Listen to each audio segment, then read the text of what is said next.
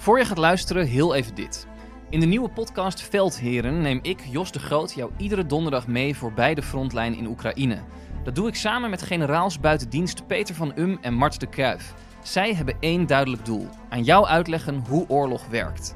Volg Veldheren in jouw favoriete podcast-app.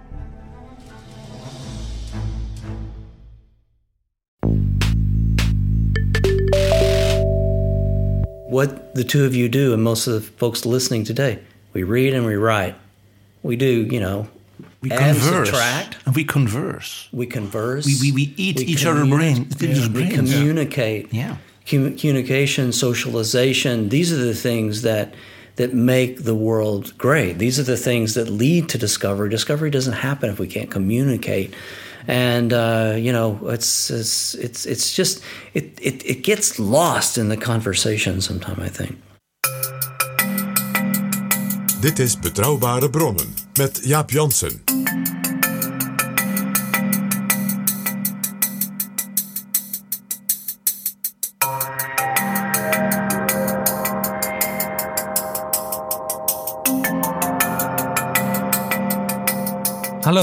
Welkom in Betrouwbare Bronnen, aflevering 47.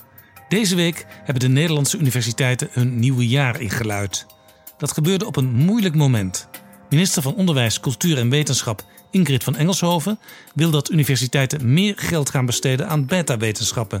Dat vindt iedereen belangrijk, maar de universiteiten zijn niet blij met de suggestie die van Engelshoven, gesteund door een meerderheid in de Tweede Kamer, er vervolgens bij deed.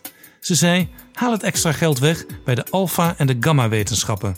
WO in actie demonstreerde luid tegen dit beleid van de minister.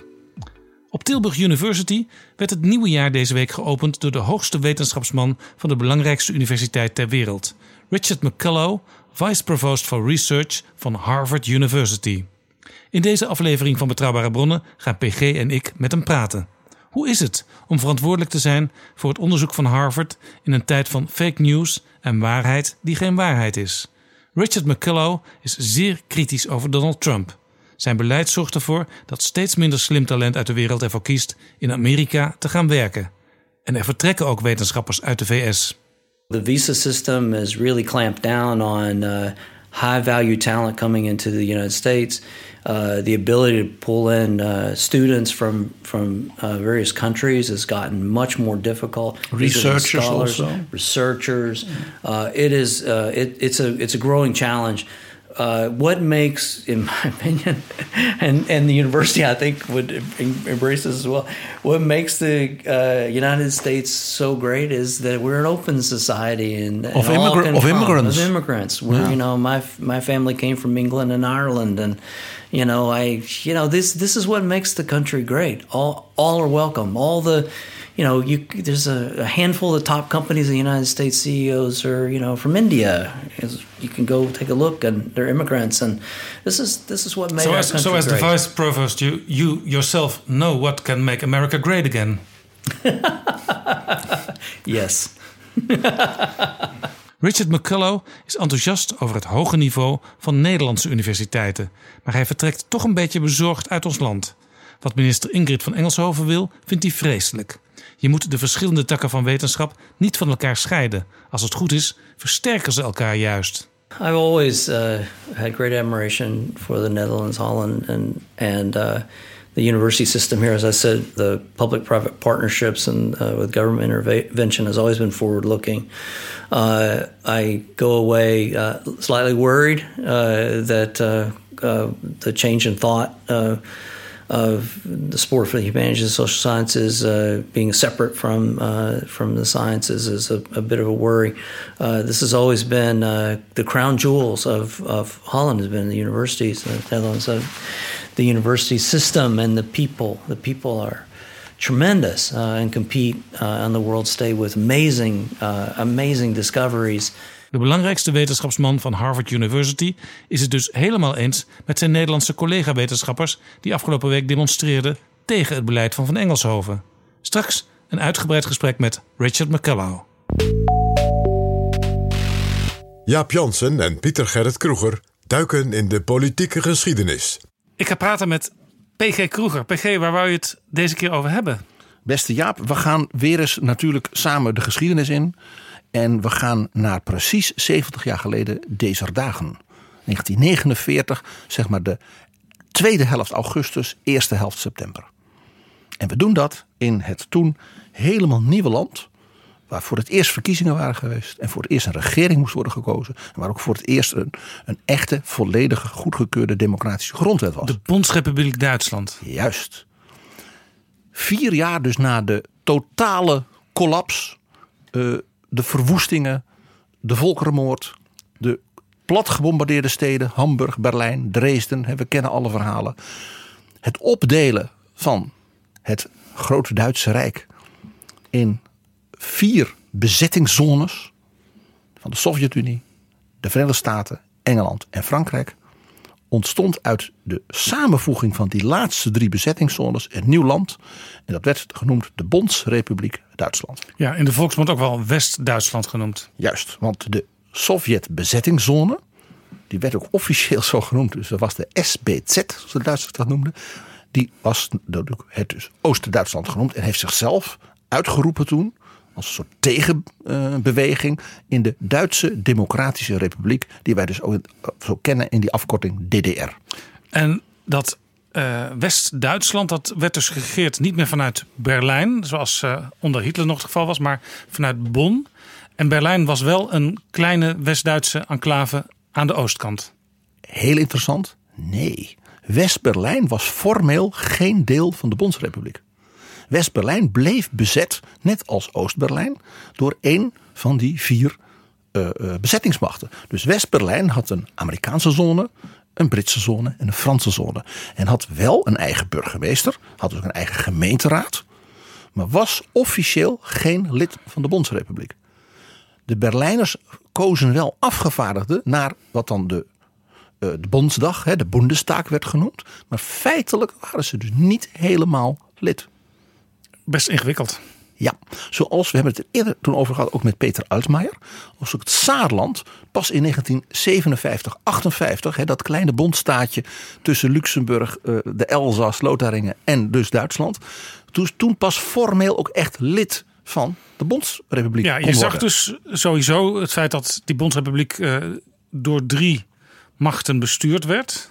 Een soort toezichthouders. Ja, uh, ze waren, er ook. Ze waren heel voorzichtig met dat nieuwe Duitsland, van hoe gaan wij daarmee om? Ja.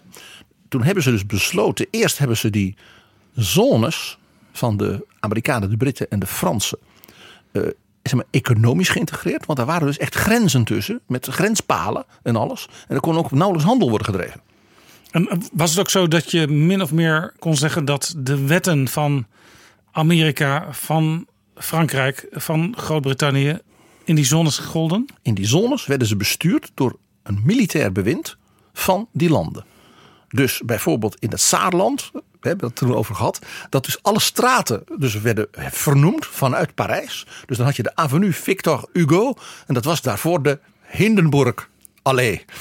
En alles wat dus herinnerde aan de Duitse geschiedenis. En van name lastige Duitse geschiedenis. Nou, Martin Luther kon dan nog. Maar Hindenburg natuurlijk niet. En Adolf Hitlerplein al helemaal niet. Maar ook keizer Wilhelm niet. Dat werd allemaal Victor Hugo uh, um, benoemd. Dus vernoemd naar grote Franse denkers, dichters, muzici en dergelijke. Ja, als je dat nu zou hebben, dan zou dat niet eh, met gejuich ontvangen worden, denk ik. Dat werd, was daar toen ook niet. Al waren het in het Saarland, dat hebben we toen ook besproken. Stiekem zo pro-Frans dat ze het eigenlijk wel leuk vonden. Ja, nee, maar goed, het is natuurlijk als je eerst zeg maar nationaal bezet bent geweest, dan accepteer je lijkt mij ook niet een bezetting van buiten. Zeker niet als die zich op zo'n manier manifesteert. Want het is natuurlijk wel democratie weer opnieuw, maar om dan meteen alle straten te gaan verfransen. Precies. En het was natuurlijk een militair bewind. Er was dus een Britse opperbevelhebber die zat in Keulen. Er zat een, eh, eh, de Amerikaanse opperbevelhebber, uh, die, die, de Amerikanen hadden een groot deel van zeg maar het zuiden van Duitsland. En de Fransen deden wat wij zouden zeggen, de Saarland, Rijnland, Pfalz en Baden-Württemberg. zeg maar aan de Franse grens. En de rest was opgesplitst in een Brits deel en een, een Amerikaans deel. De Britten zaten natuurlijk in het noorden, uh, ook met oog op de scheepvaart, handel, handel voor, met Hamburg en Bremen, makkelijk naar Engeland. En de Amerikanen hadden zeg maar het hele midden en, en zuiden. Ja, in dat jaar 1949 waren ook de eerste echte democratische verkiezingen. Precies. En dat kon omdat dus er een grondwet was gemaakt in de zomer. Eh, heel interessant, ze hebben dus iets van 50 Duitse staatsrechtgeleerden, politici, mensen uit de vakbonden, uit de kerken. Die hebben ze opgesloten in een klooster op een eiland in de Chiemzee in Beieren. Zodat niemand erbij kon, geen pers, maar ook ze er niet af konden. Eh, en die hebben dus met elkaar een grondwet gemaakt. Die grondwet was, dat is een van de mooiste van Europa nu. Met de beroemde openingszin, artikel 1. Die Würde des Menschen is onaantastbaar. Dat was een proclamatie dus tegen het nationaal socialisme en tegen het communisme. De menselijke waardigheid is onaantastbaar. Indrukwekkende openingszin. Eh, De grote man van die grondwet was meneer Karl Schmidt. Was een SPD-filosoof, staatsrechtgeleerde. En die wordt ook een vader des Grundgesetzes genoemd. Carl Schmidt. Ja, dus die man die moet, mo- moet- mogen we met ere noemen. En die heeft dus die democratische grondwet gemaakt. En die is dus beïnvloed onmiskenbaar door de Britse Labour Party. Dus zitten Britse elementen in en Amerikaanse elementen in. Dat federalisme met die deelstaten, die heel autonoom zijn in Duitsland, is natuurlijk typisch Amerikaans. Eh, dat eh, het kiesstelsel met districten en dergelijke doet natuurlijk weer erg denken aan het Britse. Dus het is heel interessant hoe dus Duitsland deels vanuit zijn middeleeuwse tradities van federalisme, deelstaten, hè, wat typisch voor het keizerrijk was, daar heeft men op teruggegrepen. En maar dat heeft men als er op een Amerikaans-Britse manier gedaan. Ja. En daarom dat die grondwet dus aan de ene kant zo heel modern is. En aan de andere kant dus zo geworteld is in Duitsland. De Duitsers konden zich helemaal in die grondwet vinden. Dat kiesstelsel was overigens niet zo rigide als in het Verenigd Koninkrijk. Eh, nee, nee, want eh, dat is natuurlijk helemaal ja, nieuw uitgevonden, om maar zo te zeggen. En het zit dus ongelooflijk slim in elkaar, het Duitse kiesstelsel. Ik ben er groot bewonderaar van. En dus het werk dus van mensen als Karl Schmidt en dergelijke. Nou, die, die grondwet was klaar. Die is toen aanvaard zeg maar, door alle deelstaten van Duitsland. Want daar was, daar was men al min of meer onafhankelijk aan het worden. Dus de Bondsrepubliek is ook van onderop gebouwd. Dus die deelstaten hebben gezegd wij treden toe. En Beieren heeft natuurlijk gezegd wij doen het niet. De Beiers, Beieren hebben gezegd wij wijzen de grondwet af. Wij willen onze eigen grondwet. En toen heeft men gezegd doe niet zo flauw. En hij was notabene in Beieren gemaakt. En toen hebben ze dus onder protest, eh, typisch Beieren, ze hebben ze gewoon meegedaan. En is dat ook de reden dat er altijd nog een aparte christendemocratische partij in Beieren is, de CSU? Die worden ook nationaal CDU-CSU genoemd. Zo is dat, want Beieren beschouwt zichzelf als Freistaat Bayern. Dus die zijn min of meer onder, nou ja, onder protest toegetreden tot het nieuwe West-Duitsland. En dat is dus tot de dag van vandaag hebben ze ook een beetje het idee, we zijn eigenlijk, het is een beetje Texas in Amerika. We, het, jullie mogen blij zijn dat we mee willen doen. Ze zijn een onafhankelijke staat met een heel eigen cultuur, heel eigen eh, politieke taal. En daardoor ook buitengewoon interessant. Dat is leuk, maar misschien toch ook een beetje schokkend vlak na eh, de Tweede Wereldoorlog, vlak na het Hitler-tijdperk. Nou ja, laten we er niet omheen draaien. Eh, eh, men heeft na de Eerste Wereldoorlog en ook na de Tweede Wereldoorlog zijn er nadrukkelijke pogingen geweest om bijvoorbeeld het hele Rijnland, dus zeg maar van, nou ja, bij Maastricht ongeveer tot en met Elsass-Lotharingen, om daar een soort pro-Franse, katholieke, eh, democratische republiek van te maken die zich af zou scheiden van de rest van Duitsland. Onder andere president Roosevelt van Amerika, dat was een van zijn ideeën. Van maak een katholieke Rijnrepubliek die dus dicht aan Frankrijk eh, zit. Een beetje wat natuurlijk in Saarland eigenlijk gebeurde. Zou Beieren daar dan ook bij zitten? Nee, nee, echt Rijnland. Beieren zit zuidelijk, hè? Ja, zuidelijk. Zit bij Oostenrijk. Ja. Maar dat zou dan een onafhankelijke staat worden, vond FDR. Oké, dus dan was Europa, had Europa uit nog meer staten bestaan. Zeker. Zeker. Nou, dus in die grondwet is dus aanvaard. Die werd dus goedgekeurd door de geallieerden. Was natuurlijk- Anders kon er niks gebeuren. Eh, niet door de Sovjet-Unie. Maar de drie anderen wel. Zeiden dus onze drie zones gaan met die grondwet verder. Dus we gaan verkiezingen organiseren. Dus het waren de eerste vrije verkiezingen in Duitsland sinds 1933. Even nog een vraag tussendoor. Dat DDR-deel, is dat vanaf dag één de bedoeling geweest dat dat apart zou zijn? Of was het Nee. toch nog hoop in het begin dat het één groot Duitsland eh, zou blijven of opnieuw zou worden? Stalin was een groot voorstander van de Wiedervereinigung. Maar dan onder zijn, eh, onder zijn leiding, denk ik. Die ging ervan uit dat de arbeiders in West-Duitsland het kapitalisme niet zouden willen. En dus die Sovjet-bezettingszone, die dus later DDR werd, een onafhankelijke staat, was bedoeld als een soort etalage van het communisme. En dat zou zo aantrekkelijk zijn. Stalin heeft pas heeft in 1952 nog een brief gestuurd aan de andere mogendheden om te zeggen: ik ben bereid tot een fusie van dat West-Duitsland van jullie en de DDR. Dat moet een neutraal worden, geen lid van de NATO. En dan moeten de vrije verkiezingen komen. En daar zou hij dan ook toezicht op houden. Een soort Finland. Eh, ja. En dat is toen door de geallieerden en door West-Duitsland afgewezen. Die hebben gezegd: wij willen een democratie, wij willen vrijheid en we willen mensenrechten. Dat is belangrijker dan nationale eenheid. Dat was een ongelofelijke moeilijke keus. Ja, En het jaar erop stierf Stalin. En vanaf dat moment was de keuze voor de, zijn zijn opvolgers. Wij gaan die rare gedachten van Stalin. Die was natuurlijk al heel oud en een beetje gek. eh, Dat gaan we niet doen. Wij gaan die DDR echt opbouwen als een soort ook militair bolwerk tegen het Westen. overigens in die, bij de eerste verkiezingen in 1949 kregen de communisten in het Westen eh 6% van de stemmen. Dus er was wel wat aanhang, maar lang niet genoeg om dominant te kunnen zijn. Eh, nee, maar het was wel veel. Net als in Nederland in 46 de, de CPN ook dik 10% van de stemmen haalde. Er was natuurlijk grote bewondering, ook bij de Duitse arbeidersbevolking en dergelijke, en de en intellectuelen, voor natuurlijk het verzet eh, van de, de communisten eh, tegen de nazi's. Ja, dat kun je dus zeg maar eh, in Duitsland en in Nederland met elkaar vergelijken. Want in. Nederland staan de communisten ook heel erg bekend om hun verzetswerk. Ja, en dat, dat was dus op, opmerkelijk. Opmerkelijk was dat. Nou, die verkiezingen die waren dus op 14 augustus. Dus die grondwet was klaar, verkiezingen. Eén ongelooflijk belangrijk ding was een geweldig signaal. De opkomst was bijna 80% Dus men wilde echt Zeer gebruik maken van dat stemrecht. Ja, en dat was dus vier jaar na de val van het Derde Rijk. En de dictatuur en de vreselijke referenda die Hitler altijd hield. Waarbij iedereen moest. Hè, en 99% was voor de Führer uiteraard. eh, dat de, de West-Duitsers, om, hè, om maar zo te zeggen, die zeggen wij willen die democratie. Eh, want ja, een opkomst van bijna 80% nadat je heel lang nooit meer een democratie hebt gehad en niet hebt kunnen stemmen en vrij en dergelijke, was natuurlijk uitzonderlijk. De grootste partij, eh, 7,2 miljoen stemmen, was de CDU-CSU, dus de Beierse CSU, met 31%. En de tweede partij, die zat er net achter met 29%. Psychologisch natuurlijk een belangrijk verschil, die twee of die drie. Dat was de SPD, de Sociaaldemocraten, onder leiding van Kurt Schumacher. Grote persoonlijkheid, een grote man. 6,9 miljoen. Interessant, want die verhoudingen... die zagen we later in Nederland ook terug tussen de Christendemocraten en de Sociaaldemocraten. Ook altijd net een paar procent verschil vaak bij verkiezingsuitslagen. Ja, met dit grote verschil dat dus de CDU-CSU vanaf zijn oprichting dus een interconfessionele partij was. Dus een christendemocratische partij. Geen confessionele partij, zuilen zoals wij in Nederland hadden. Dus geen KVP, geen ARP, geen CAU.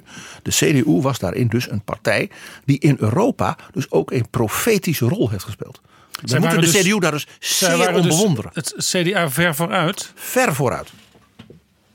Ver vooruit. Want Italië had een democratia christiana. Maar dat was natuurlijk 99% katholiek. Idem in België. Maar in Duitsland waren het dus de katholieken en de protestanten. Die dus nou ja, in het kader ook van de verzoening. En ook van het schuldgevoel. Omdat de kerken dus niet nou, zeg maar, feilloos waren geweest. Hè? En ook de christenen niet feilloos waren geweest in de nazi-tijd. Ja, er was in die tijd nog een, een, een derde partij, de eh, FDP, de Liberalen. Die waren in die tijd heel belangrijk, want ehm, die regeerden meestal mee. Ja, dat, is, dat was, wist toen niemand. Hè? In 1949 was het één groot experiment. Daarna is de FDP was altijd, heerlijk Duits woord, Zünglein aan der Wagen. Dus in de, op het weegtoest, weegding het, to- het tongetje. Wat dus net de meerderheid aan links of aan rechts gaf. Ja, en Adenauer heeft ook de meeste van zijn kabinetten met de FDP geregeerd. De eerste keer Zeker. haalden ze 12 procent. Best Ja. een grote partij dus. Eh, interessant, de, wat wij in Duitsland kennen, de 5% eh, horde voor stemmen, die was er in 49 nog niet, die is later ingevoerd. Dus de eerste Bondsdag zat vol met allerlei kleine partijtjes naast dus de grote jongens eh, eh, CDU en SPD en de middelgrote jongens als de FDP, de communisten. Ja, die worden de middelgrote partij, maar een heleboel kleintjes. De Partij voor Verdrevenen uit Polen, de hele enge Duitse Rijkspartij. Je, ruikt hè, de schroeilucht al. Maar daar wilden ze toch van af. Daarom hebben ze toch later die, eh, die kiesdrempel ingevoerd. Ja, precies. Maar daar hadden ze toen nog niet aan gedacht. Nee, dat was er toen nog niet. Dat was er toen nog niet. En dus toen kwamen er ook dus een soort neonatiepartijtjes. Met 2, 3 procent de staatspartij, de Rijkspartij. En ook de, de, Beiers, de Beierse Volkspartij. Die, die was aanzienlijk sterk. En zelfs ietsje groter af en toe dan de Beier, dan de CSU. Die later gewoon de dominante partij werd. Die partijen hebben elkaar helemaal de tent uitgevochten in Beieren. En dat ging zoals in Beieren vaak niet zachtzinnig. Dus kortom, de, die, die vroege geschiedenis van de Bondsrepubliek is, zoals wel vaker eh, natuurlijk dit soort dingen, hier niet zo bekend in Nederland en apen interessant. Nou, Met die grote opkomst en met dus die uitslag waar duidelijk was dat de CDU met de Beierse CSU de grootste partij was en de SPD aanzienlijk, werd het dus spannend. Die eerste vergadering, op 15 september was dat, van de nieuwe Bondsdag. Een maand na de verkiezingen. Nou, dus die komen bij elkaar. En ja, wie zit die vergadering voor? Het oudste lid. In jaren. En wie was dat? De voorzitter en leider van de grootste partij, de CDU, dokter Konrad Adenauer. Oudste lid in leeftijd. In leeftijd, ja. Want het was natuurlijk een nieuw parlement, dus je kon nog niet zeggen iemand heeft zo lang in het parlement gezeten. Nee, er was geen senioriteit. Grappig hè? Hij was bovendien geen lid van de Rijkstak geweest. In de Weimarer tijd. Nog interessant. Adenauer was zo oud dat hij dus wel lid was geweest van het Herrenhaus, zoals dat heette. Dus de Eerste Kamer onder de keizer. Ah, Namens de katholieke partij het Centrum, heette die. keizer Wilhelm tweede. De tweede. En hij is geboren dus in, onder keizer Wilhelm I natuurlijk. En onder keizer Wilhelm II zat hij dus in de, het Herrenhaus, de Eerste Kamer. Namens dus Keulen. Eh, en werd ook al heel jong burgemeester van Keulen. En de langst dienende burgemeester van Keulen in de geschiedenis. Dus daar zat echt wel iemand die al een enorme historie had. Enorm. Hij was in de Weimar-republiek twee keer benaderd of hij Rijkskansler wilde worden, dus kanselier. Eh, maar heeft daar twee keer van afgezien. Dan wel dat zijn partij in die coalitie dan of iemand anders, of dat dan toch iemand van de SPD. Maar hij is dus twee keer echt serieus premierkandidaat geweest. Ja, dokter Konrad Adenauer. Hij was op dat moment dus 15 september 1949 al 73 jaar. 73. En hij heeft toen, dat is het beroemde verhaal. Ik vrees dat ik het al een keer verteld heb, maar betrouwbare bronnen. Ik- Maar ik blijf ervan genieten. Hij heeft toen in het partijbestuur van de CDU, toen gevraagd werd wie gaan wij voordragen, zeiden ze ja, onze voorzitter. Ja, maar u bent 73. En toen zei hij Adenauer, ja, ik heb daar goed over nagedacht. Ik heb gepraat met mijn kinderen. Hij was toen voor de tweede keer al weduwnaar. Eh, mijn kinderen en ik heb met mijn dokter gepraat. En mijn dokter zei, dokter Adenauer, u bent 73. U bent gezond, fysiek. U bent geestelijk wach. Ja? Twee jaar moet kunnen. En dat hebben ze geloofd. En toen bleef hij nog heel erg lang. 14 jaar. En toen hij 87 was, hebben ze hem dus echt moeten dwingen weg te gaan. Hij was woedend dat hij weg moest in 63. Nou ja, Hij- een hij- grande personaliteit Ja. zou Fransen Hij zat dus die eerste Bondsdagvergadering Vergadering voor. En het eerste opdracht van die vergadering was het verkiezen van een bondskanselier. En de kandidaat namens de CDU-CSU, voor twee jaar zogenaamd, was dokter Konrad Adenauer. Dus hij zat zijn eigen verkiezing voor. Je moet maar durven. En hij werd het ook. Met één stem verschil. De stemmen van de CDU, de FDP en nog wat losse kleinere partijtjes. En de SPD droeg ervoor Kurt Schumacher. Ah, ja. En die werd het niet. En toen werd Adenauer. eh, we zullen in deze BB regelmatig lachen. Want Adenauer was een hele aparte man. Toen werd Adenauer gevraagd door de journalisten: Heeft u op uzelf gestemd? Als voorzitter. Waarop hij toen zei: Ja, natuurlijk. Ik heb toch de democratische plicht om op de beste kandidaat te stemmen. Ja. ja, en anders was het kiele kiele geweest of was hij het niet geworden. Maar nog even een technische vraag. Hè? Want dat is misschien wel een principiële vraag. Eh, je zit toch niet de vergadering voor die jou tot bondskanselier kiest? Dan moet toch wel iemand anders eh, in de tussentijd achter die hamer gaan zitten? Fascinerend. Hij was de alterspresident, zoals dat heette in het Duits. Dus de oudste in jaren die dan die vergadering voorzitte. Ja. En dan. Daarna werd er natuurlijk een, voorzitter gekozen voor de Boendesdagszaken en zo. Ja, ja, Maar ja. hij zat dus gewoon letterlijk met de hamer van ik stel voor, u kunt nu stemmen op dit dit zijn de kandidaten. Ja. Dus namens de, de, de, de, de ultrarechtse en namens de communisten en namens de SPD. En de CDU-fractie, gesteund door de CSU-fractie, stelt voor. Ja. Zei die ijskoud dokter Konrad Adenauer, daar kunt u ook op stemmen. En dan gaan we nu stemmen. Ja. En het tellen werd nu gedaan door de staf. Ja, nee, uiteraard. Maar, maar, uiteraard. maar je begrijpt, dit is. Ja, het heeft dus ja, toch ook wel enige humoristische Ja, kanten. En ja. hij had dus ook wel een heel bitter en hard gevoel voor humor. Dus ik had toch de democratische plicht om op de beste kandidaat te stemmen. En dat zei hij dan gewoon ijskoud. Ja, en we weten natuurlijk terugkijkend dat hij een enorme indruk maakte. Ja. En eigenlijk nog steeds in de geschiedenisboekjes bovenaan staat. Als, Als er, in. Duitsland, als er in Duitsland dan zo'n verkiezing is, grootste Duitser aller tijden, dan wint Adenauer met een straatlengte.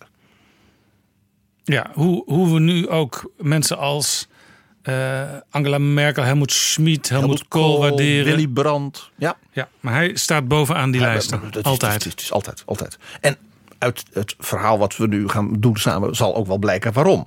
Eh, overigens even heel leuk, hij is dus zo lang kanselier geweest dat alleen Helmut Kohl langer kanselier was. Dit jaar haalt Angela Merkel, als ze tijd van leven heeft, hem in. Dit jaar, dus dat is over een paar maanden. Ja. Interessant. Ja. Nou, hij is geboren 5 januari 1876. Dus dat was echt vijf jaar nadat Duitsland één keizerrijk werd. Hè, dus onder de oude keizer Wilhelm I. En hij stierf op 19 april 1967. Hij is dus 91 geworden. Ja. De leeftijd der zeer sterken, zeggen, Hij is dus nog dan. vier jaar dus, was hij dus lid van de Bondsdag. Hij bleef gewoon lid van de Bondsdag. Erevoorzitter van de CDU. En hij ging die vergaderingen dus ook voorzitter van het partijbestuur toen hij afgezet was. Die hebben ze voorzichtig moeten uit- uitleggen dat dat niet de bedoeling was. Ja. Ehm, bij Duitsers vraag je ook altijd waar zaten ze tijdens de oorlog? Nou, ondergedoken. In kloosters, eh, dan wel weer thuis. Eén ding, eh, voor alle helderheid. Konrad Adenauer was een nazi-hater zoals ze in Duitsland niet veel voorkwamen. Een van de eerste dingen die Hitler heeft gedaan toen hij Duits kanselier was in Berlijn... was het tekenen van het ontslag van Konrad Adenauer als burgemeester van Keulen. Ja. En zijn staf heeft hem via een dienstliftje naar beneden naar zijn auto laten gaan. De chauffeur heeft hem meteen naar huis gereden. Want er kwamen 100 SA-kerels binnen om zijn kantoor en hem persoonlijk aan stukken te slaan. Zo groot was de haat van Hitler voor Konrad Adenauer. En dat was geheel wederzijds. Ja. Dus het, het mooie van Adenauer dat hij kanselier werd, was hij was, ja, zo wij zouden in Nederland zeggen, goed geweest in de oorlog. Dit illustreert dus ook de importantie toen al historisch van Adenauer. Ja. Dat Hitler hem als een van de eerste Ja. eh, liet verwijderen. Eh, hij is na de aanslag op Hitler in juli 1944, en nu precies 25 jaar geleden, onlangs, is hij opgepakt. Ook zijn vrouw is opgepakt. Dat was zijn tweede vrouw. Zijn eerste vrouw is heel jong eh, gestorven in, eh, in de Eerste Wereldoorlog. Een groot verdriet was dat. Ze hadden een heleboel kindertjes. Toen heeft hij een veel jongere vrouw uit haar familie getrouwd. En die is toen ook opgepakt. Die is verschrikkelijk verhoord door de Gestapo. Is daar geestelijk eh, helemaal door ingestort. En heel snel na de oorlog, na de capitulatie van Nazi-Duitsland gestorven. Dus dat is een tweede heel groot verdriet Ja, in ze heeft de leven. bevrijding, de vrijheid niet meer mogen smaken. Nou ja, alleen maar al- ja, geestelijk ingestort. En toen kreeg ze borstkanker. En toen was het over. En hij heeft altijd gezegd dat heeft ze gekregen. Doordat ze zoveel angst had. Dat is natuurlijk niet te bewijzen. Maar hij zei ze hebben mijn lieve tweede vrouw vermoord. Nog toen het regime voorbij was. Dat, dat, dat was iets wat, nou ja, wat hem ook zeer verdriet. Eh, en zij hadden ook bovendien ook nog kinderen. Dus hij had kinderen van zijn eerste vrouw en van zijn tweede vrouw. Dat was een heel groot gezin. Eh, en eh, ja, hij was verdacht als een van de mensen bij die aanslag eh, eh, op Hitler. En klop, klopte dat ook? Nou ja, hoe hoe zal ik nou voorzichtig zeggen? Een groot deel van de zeg maar, politici uit het midden die met die officieren hadden meegedaan, waren vrienden van hem. En zijn naam stond op een lijst van potentiële ministers. Dus als Hitler eh, opzij zou zijn gezet, dan was, hij, was hem gevraagd minister te worden. Ja, en zeker hadden ze hem onmiddellijk weer burgemeester van Keulen gemaakt. En waarschijnlijk bijvoorbeeld de minister-president van nou ja, Rijnland. En, en ja, ja, hij was natuurlijk iemand, ook toen al op leeftijd. Eh, eh, en, en ja, van een, van een, hij was eind 60. Dat moet je voor de denken. Hij was dus in die nazi-tijd al een oudere heer. Ja. En, en, en dus hij behoorde tot ja, de safe pair of hands. En krachtdadig. eh, en ja, volkomen schoon. Ja, van, van, van niets te verdenken in dat opzicht. Hoewel hij natuurlijk een conservatieve katholiek was. Zoals ze er zoals je niet vaak tegenkomt. Een echte oer-katholieke politicus. En uit Keulen, dus uit het Rijnland. Dus iemand van het leven hield. Dus ook een vrolijk soort katholicisme. En vandaar dat hij ook wel met eh, Charles de Gaulle van Frankrijk kon opschieten. Daar gaan we het zeker straks over hebben. Wat het, wat het geheim was van dat die twee elkaar onmiddellijk begrepen. Dat heeft ook te maken dus met dat overtuigd diepe katholicisme natuurlijk. Nou, eh, hij was dus al onder de keizer een belangrijk politicus. Dan re- reisde hij met zijn staf van Keulen met de trein naar Berlijn. Voor de vergadering van het Herrenhaus, de Eerste Kamer. Prachtige naam trouwens, Herrenhaus. Ja, want dat was, daar zat de adel in. Uit Pruisen. En dan de burgemeester van Keulen, de burgemeester van. Ja. Maar dat, dat werd gedomineerd door, door de Jonkers. Ja. Nou, want je had ook een heel ander kiesstelsel in eh, de- het keizerrijk. Hè. Dat was bepaald niet heel democratisch. Nou, dus dan. Adenauer die reed dan met zijn. In de trein had hij ook zijn eigen coupé met zijn medewerkers. En dan kwam je bij de stad Maagdeborg. En daar gaat de trein de Elbe over. En dan kom je dus in het hartland van Brandenburg-Pruisen. En wat Adenauer dan deed, was met veel gevoelvol drama, deed hij het gordijntje dicht. En dan zei hij, hier vangt Azië aan. Heel andere cultuur daar. Hier begint Azië. En hij bedoelde dus Siberië. Ja, het, het, het autocratische denken van de tsaren en van de Pruisische eh, generaals. Dat geeft dus ook aan eh, zijn humor, maar die had altijd iets bitters. Ja, een kern van waarheid. Oh, absoluut. Ja, ja, ja, ja. Nou, hij werd dus burgemeester van Keulen. De langzittende, meest daadkrachtige en visionaire burgemeester van die stad. Eh, Om een idee te geven, hij heeft persoonlijk eh, begin jaren 20 Henry Ford rondgeleid in Keulen. En gezegd, u gaat hier aan de, eh, de, binnenhaven, noord van de stad, een Ford-fabriek bouwen. Want de, Duitse economie gaat nu weer bloeien. mede dankzij de Amerikaanse kredieten. En u kunt die, die, die auto's van u zo via Rotterdam in onderdelen. En wij bouwen dan eh, hier die, eh, die, die, die Ford-auto's. En u heeft Duitse ingenieurs, dat kunnen wij. En Henry Ford was zo onder de indruk van de persoonlijkheid van deze toen jonge burgemeester. Dat hij dacht van, dit is such a great guy. Dus dat de allergrootste Ford-fabriek van Europa, dus buiten Amerika, stond in Keulen. Te danken aan deze man, Konrad Adenauer. Hij heeft bijvoorbeeld ook de stadsmuren van Keulen, dat het toch een fort was, de keizertijd, laten slopen. En dus een enorme ring van parken en van tramlijnen en ook autosnelwegen. Want zo groot was het. Dus ineens konden iedere K- Keulsje kon daar eh, barbecuen. Die kon in het groen met zijn kinderen. Er waren zwembaden.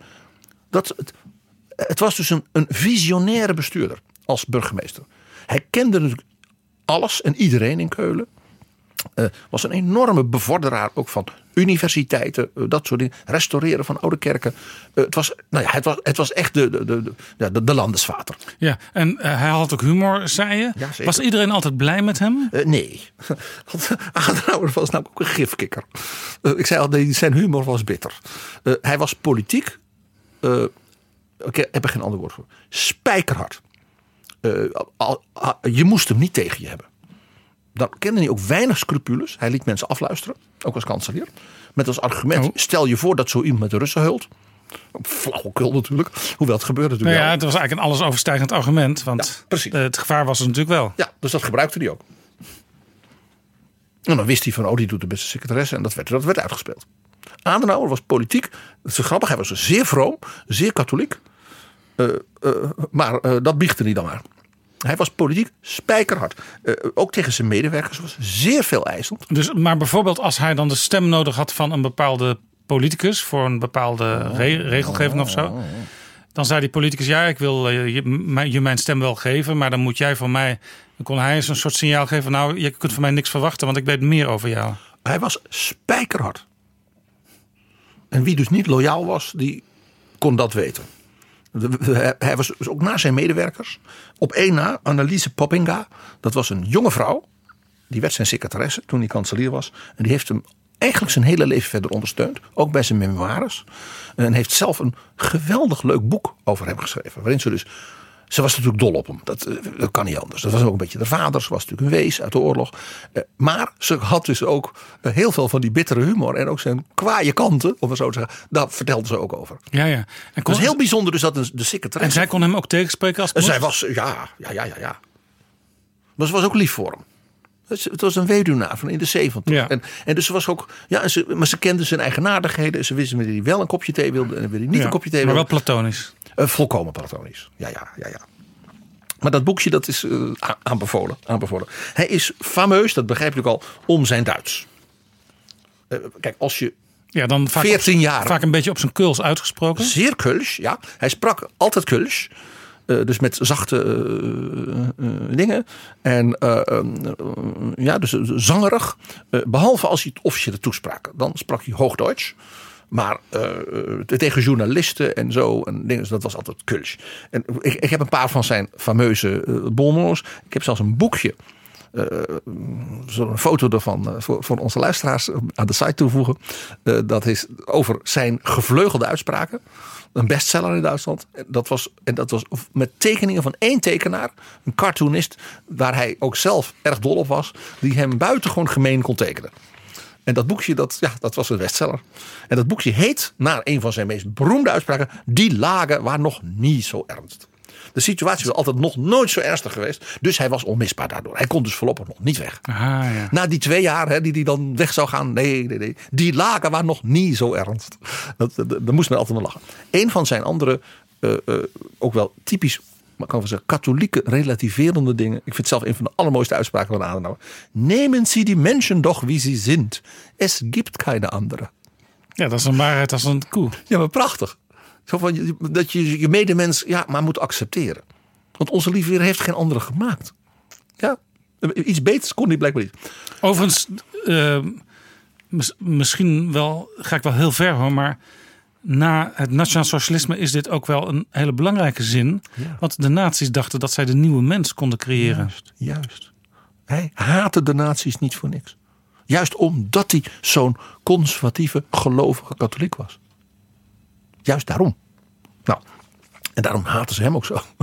Eh, hij was dol op verkiezingen. Hij vond niets leuker dan campagne voeren en dat. Hij was een oude man en dan ging hij met een trein door heel Duitsland en toespraken. En dan, nou, dan was hij echt jong gewoon.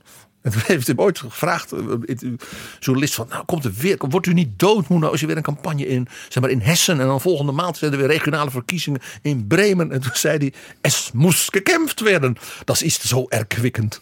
Ja, maar hij won ook al die verkiezingen achter elkaar. Hij heeft twee keer de absolute meerderheid van stemmen en zetels in de Bondsdag gewonnen. Ik bedoel, uniek. Uniek. Nou, ook heel mooi. Heel mooi, ook weer typisch zo'n ding. Erfaringen sind die Samenkornen aus denen die Klugheit emporwächst.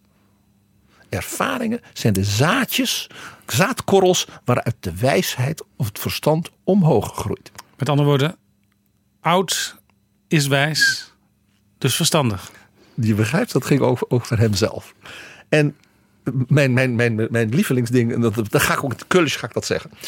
In het partijbestuur van de CDU moest na dus de verkiezingen worden besloten wie gaan wij steunen als president van Duitsland. Dus niet de bondskanselier, dat was Adenauer. Ja. En dat moest natuurlijk iemand van de FDP zijn, want dat was, daarmee kochten ze de stemmen hè, van, van de Ja, liberalen. die 12% voor Adenauer. van de liberalen, dat Ja. was goed om die erbij te krijgen. Dat moest natuurlijk een protestant zijn. Hè, en een Voor, intellectueel. het, voor de balans, Voor de in- balans. in, in, en, de top. En die zou uit Baden-Württemberg komen. Dus uit het zuidelijke deel van Duitsland. Dus was ook voor Beieren mooi en zo. Nou, kortom. Hè.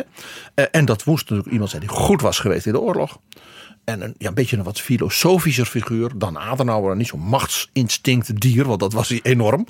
Eh, eh, ook als countervailing power een beetje ten opzichte van Adenauer. En de, de, de president is natuurlijk iemand meer voor de grote redenvoeringen. Voor het gevoel Ja, en niet voor de macht. beetje voor de ethische inkadering. Ja, precies. Dus professor Theodor Heuss, de, een van de leiders van de liberalen, die werd naar voren gedragen. Buitengewoon verstandige man, die hele mooie filosofische boeken ook had geschreven. En Adenauer en Theodor Heuss, die konden goed met elkaar. Maar vooral mevrouw Heuss, dat was een bewonderaar van Adenauer. En dat was, die, was on, die was echt heel erg goed geweest in de oorlog, ook in het kerkelijk verzet. Eh, zij was dus protestant, net als haar man. Haar man was een beetje, ja, die was door de oorlog wel een beetje gaan twijfelen en zo. Dat mag natuurlijk ook. Maar zij was juist door de oorlog meer gaan geloven. Dus dat hou vast. Dat, en dat had zij met Adenauer, die natuurlijk ook zulke vreselijke dingen had meegemaakt. Met zijn tweede vrouw en alles. Dus die twee die hadden een enorme band. Ja. En toen in het partijbestuur van de CDU eh, stonden dus allemaal zeg maar, conservatieve katholieken en zo. Die stonden op het, ja dat kan echt niet. Die professor Heuss, dat is een liberaal, dat is een agnost, dat is een dit en dat. En Adenauer kreeg zo de smoor in. Dat hij toen, de- de- als voorzitter van de partij, heeft hij de microfoon gepakt en heeft gezegd. "Ja, Nu moeten jullie ophouden. Die vrouw, professor Heuss, is zeer from en dat je. En dat volstaat. En dat, zij is heel vroom en dat moet genoeg zijn. Ja, ja. Prachtig. Ja. Adenauer. Ja. En dat je niet. Ja. Hij, bleef dus zeer lang aan de macht. Was, wat was het geheim van Adenauer als Bundeskanzler? Nou, een aantal dingen. Ten eerste, hij was dus echt goed geweest. Dus als hij onderhandelde in het buitenland of Duitsland representeerde, stond daar das gute Duitsland. Ja.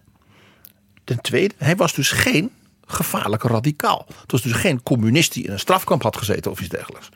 Hij was ondergedoken in kloosters en eh, was slecht behandeld in de Gestapo en alles. Maar het was geen gevaarlijke radicaal. Zodat Duitsland na de nazi-tijd opnieuw in een soort wilde eh, toestand zou komen. Ja, Men wilde vooral rust. ja. Nou, nou is het natuurlijk niet zo dat je, als je opgesloten hebt gezeten op een bepaalde manier, dat je dan altijd eh, radicaal bent. Nee, ik bedoel, de, er zaten natuurlijk in de nazi-tijd heel veel mensen, politieke gevangenen.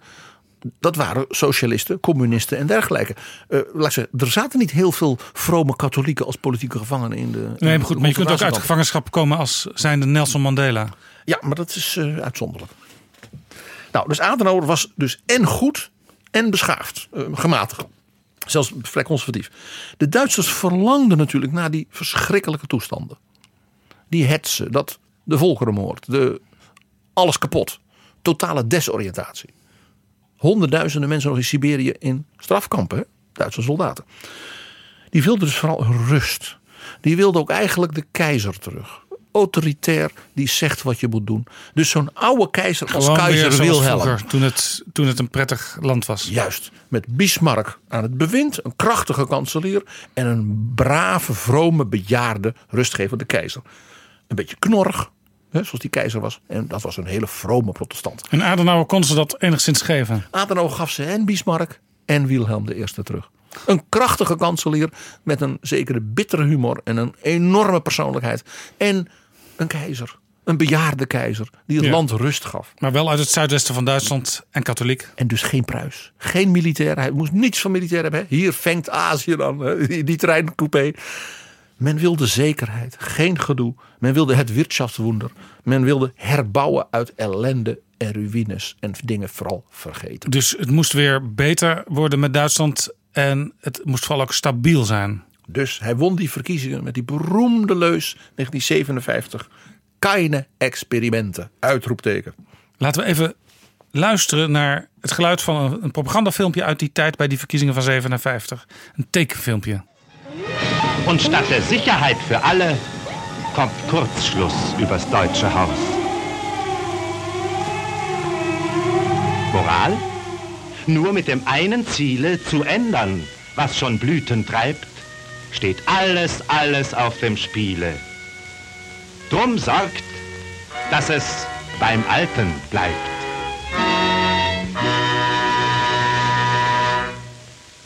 Een tekenfilmpje was dit wat ook in de bioscopen te zien was. En op het nieuwe fenomeen wat langzaam tot ontplooiing kwam, de televisie. Ja. En overal in Duitsland hing die beroemde, beroemde poster van de CDU. Daar staat dus op. Hebben ze een schilderij van het hoofd van Adenauer. En wat je ziet is een oude man. Met veel rimpels. Ja, een en strenge, een strenge kop. Ik zie hier het- de, de poster voor me. Ja. Keine experimenten uitroepteken. Konrad Adenauer en alleen maar drie letters CDU. Dus niet stemmen op ons. Dus doe geen gekke dingen. We hebben nu weer democratie, we hebben rechtsstaat, we hebben welvaart. We kunnen naar Italië op vakantie. Ja, er is televisie. Adenauer heeft die rente, dus de pensioen, de AOW ingevoerd. Ja, en dat, Keine en experimenten. dat hoefde allemaal niet op het affiche, want keine experimenten volstond. Men wist wat men aan hem had. En men zag een oude man met rimpels. En vooral let ook die vlijmscherpe blik die die tekenaar heeft gemaakt. Hier zag je een Bismarck zonder helm. Een burger als keizer. Een man van 81. En dat, nu komen we dus bij waar jij al naar, naar preludeerde. Namelijk zijn band met Charles de Gaulle. Die natuurlijk een jaar na die enorme verkiezingsoverwinning van 57 aantrad als president van Frankrijk. Ja, want wij weten uit betrouwbare bronnen dat de Gaulle eh, ook van katholieke afkomst was. En ook in de keizertijd van Adenauer, dat was in Frankrijk de Derde Republiek, liberaal, anti-religieus. Dus, dus de Gaulle behoorde, net als Adenauer, al in de tijd van Bismarck, tot de katholieke oppositie tegen de staat. Ook de Gaulle was natuurlijk ook een oppositieman. Hij was natuurlijk naar, naar Londen gegaan tegen Vichy, tegen Pétain. Ja, tegen het collaborerende Frankrijk. Juist. En redde de eer van Frankrijk. Zoals het, hè, dat prachtige boek van professor Julian Jackson. Ja, dus er was, er, er was, er was altijd al een begin van een verstandhouding voordat ze elkaar ontmoeten, bij wijze van spreken. Ze waren dus beide oudere heren. Ja, katholieke oppositiemensen uit de tijd voor de Eerste Wereldoorlog. En daarna beide in de oorlog helden. Dus die twee, er was een fluidum tussen die twee. Daarbij kwam ook nog dat eh, Adenauer uitstekend Frans sprak. En de Gaulle uitstekend Duits. Want ja, hij had krijgsgevangen gezeten, Ja. weet je nog, in de Eerste Wereldoorlog. Dat hij dan altijd probeerde te ontsnappen, vermomd als Beierse boer. En dan liep die man van bijna twee meter in Beierse boerenkleding. Dat ik altijd, dat, ik zei toen tegen jou, ik kan me niet voorstellen dat niet de eerste, de beste politieagent op straat denkt, dat is geen Beierse boer, dat is een, dat is een, dat is een officier. Ja, dat beeld eh, herinner ik me nog inderdaad uit, uit die aflevering van Betrouwbare Bronnen. Maar er was dus eigenlijk geen betere combinatie denkbaar in die fase van de wederopbouw dan Adenauer en de Gaulle samen. Ze waren voor elkaar gemaakt. Adenauer van Rijnland had dus stiekem in 1920 meegedaan in een poging om het Rijnland af te splitsen van Duitsland. Na de keizer in een Rijnrepubliek die voor Frankrijk was. Jawel. Dus de, dus de sympathie was er ook op dat moment. En Adenauer begreep natuurlijk strategisch één ding. Als Duitsland en Frankrijk niet verzoenen, en dan echt verzoenen, dan wordt het dus nooit wat met Duitsland. Want dan blijft Duitsland betwijfeld worden door zijn buren. En dan gaat Duitsland dus weer de neutrale kant op tussen dus het Westen en de Sovjet-Unie. En dan gaan we eraan.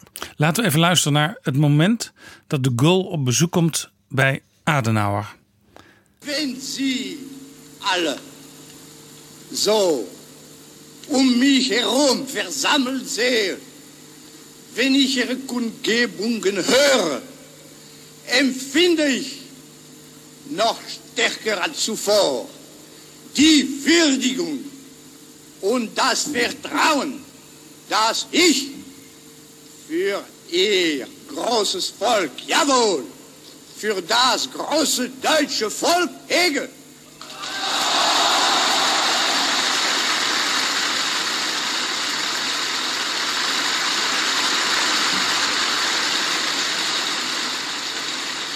Es lebe Bonn, es lebe Deutschland, es lebe die deutsch-französische Freundschaft.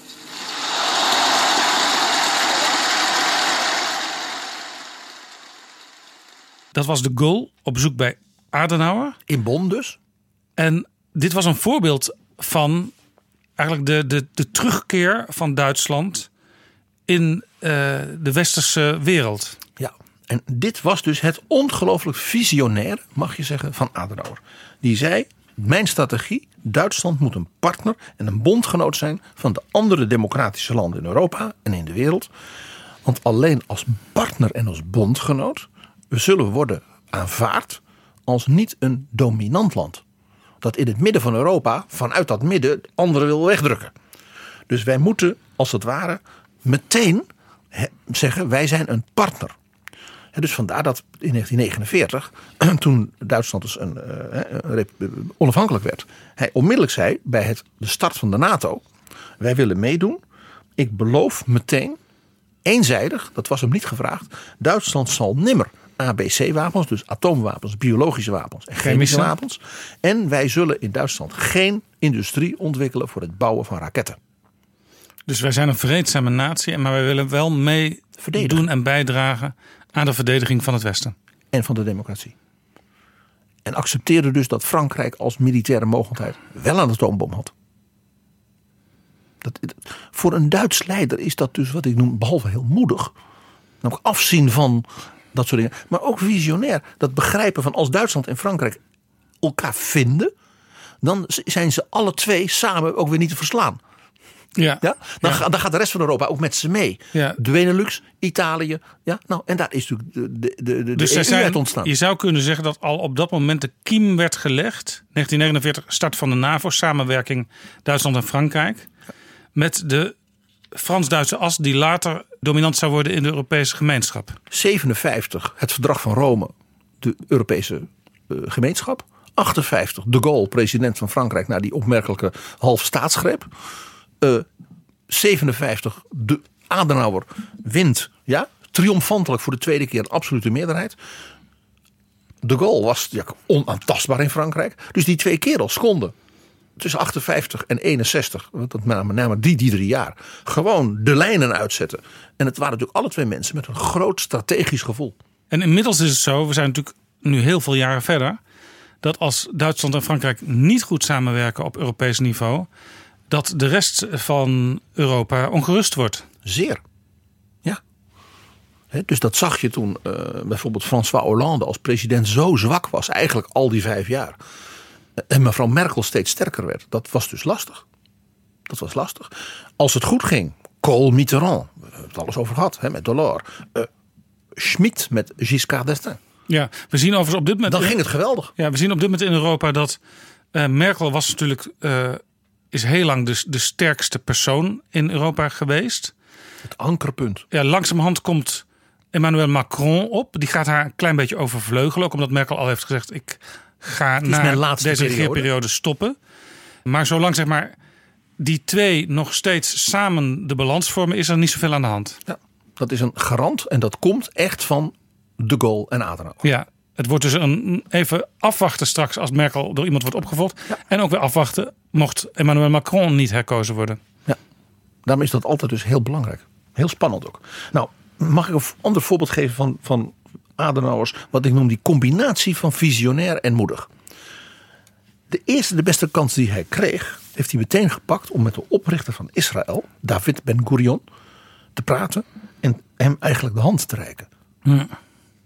Ongelooflijk. Ja, is ook nog natuurlijk een, een, een wijze van het weer goed maken van alles wat er fout gedaan is. De Waarbij jaren hij daarvoor. de Adenauer dus zei, er valt niks goed te maken. Nee, Dat, onmogelijk. wat- dat is onmogelijk. Ja. Maar hij was de enige die dat natuurlijk kon zeggen. Hij was zo goed geweest. Hij was ook vervolgd. Ja? Eh, eh, dus de Ben Gurion, die een beetje net zo'n soort visionair type was. Ook een beetje een ongebruikelijke man. Die heeft dus onmiddellijk, eh, toen hij dus begreep dat Adenauer met hem wou praten. Gezegd, komt u maar. Ze zaten toevallig in hetzelfde hotel in New York. Het Waldorf Astoria.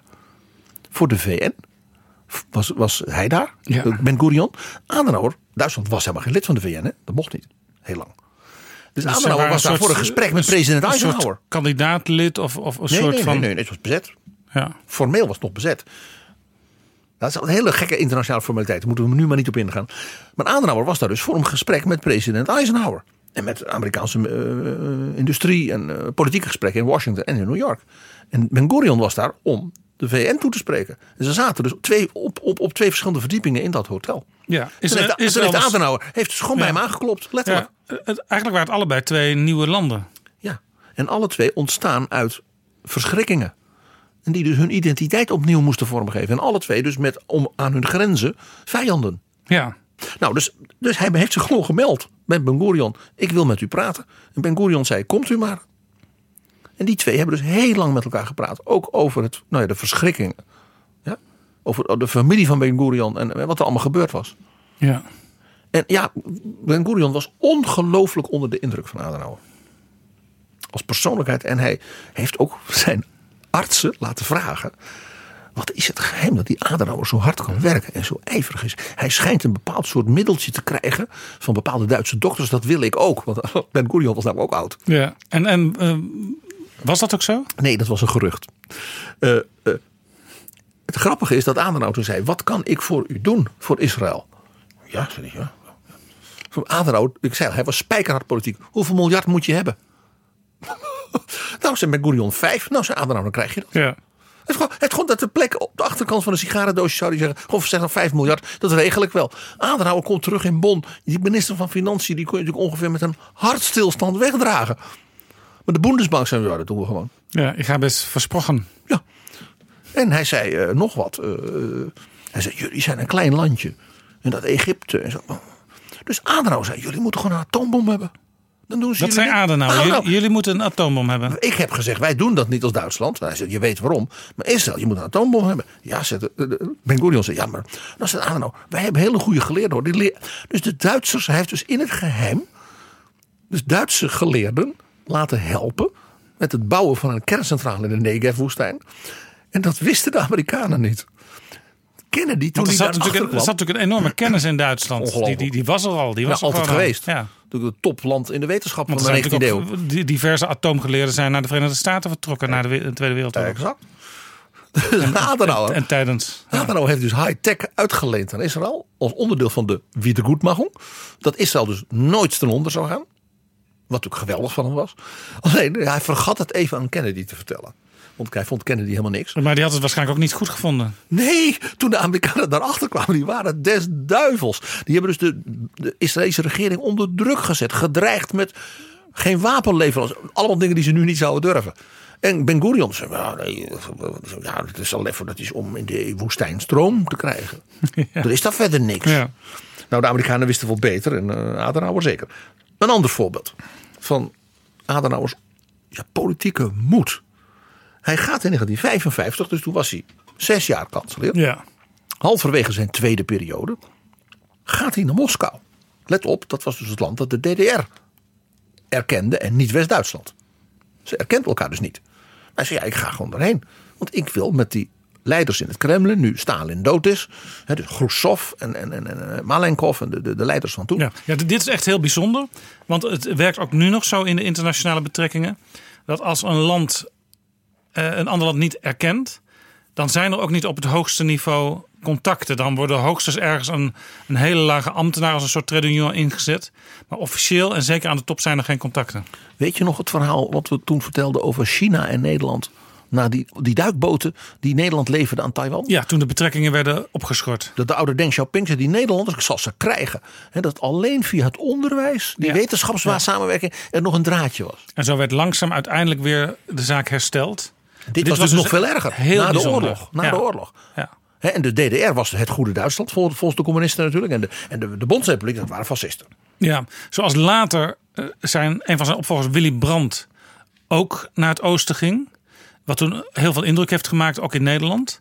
Maar op dat moment was in 55 was Adenauer De eerste. al degene die de stap zette. Ja. Dus die is naar Moskou gevlogen. En die heeft gezegd, ja, we moeten eh, toch met elkaar praten. En ik wil ook dus culturele samenwerking. En ik wil handel.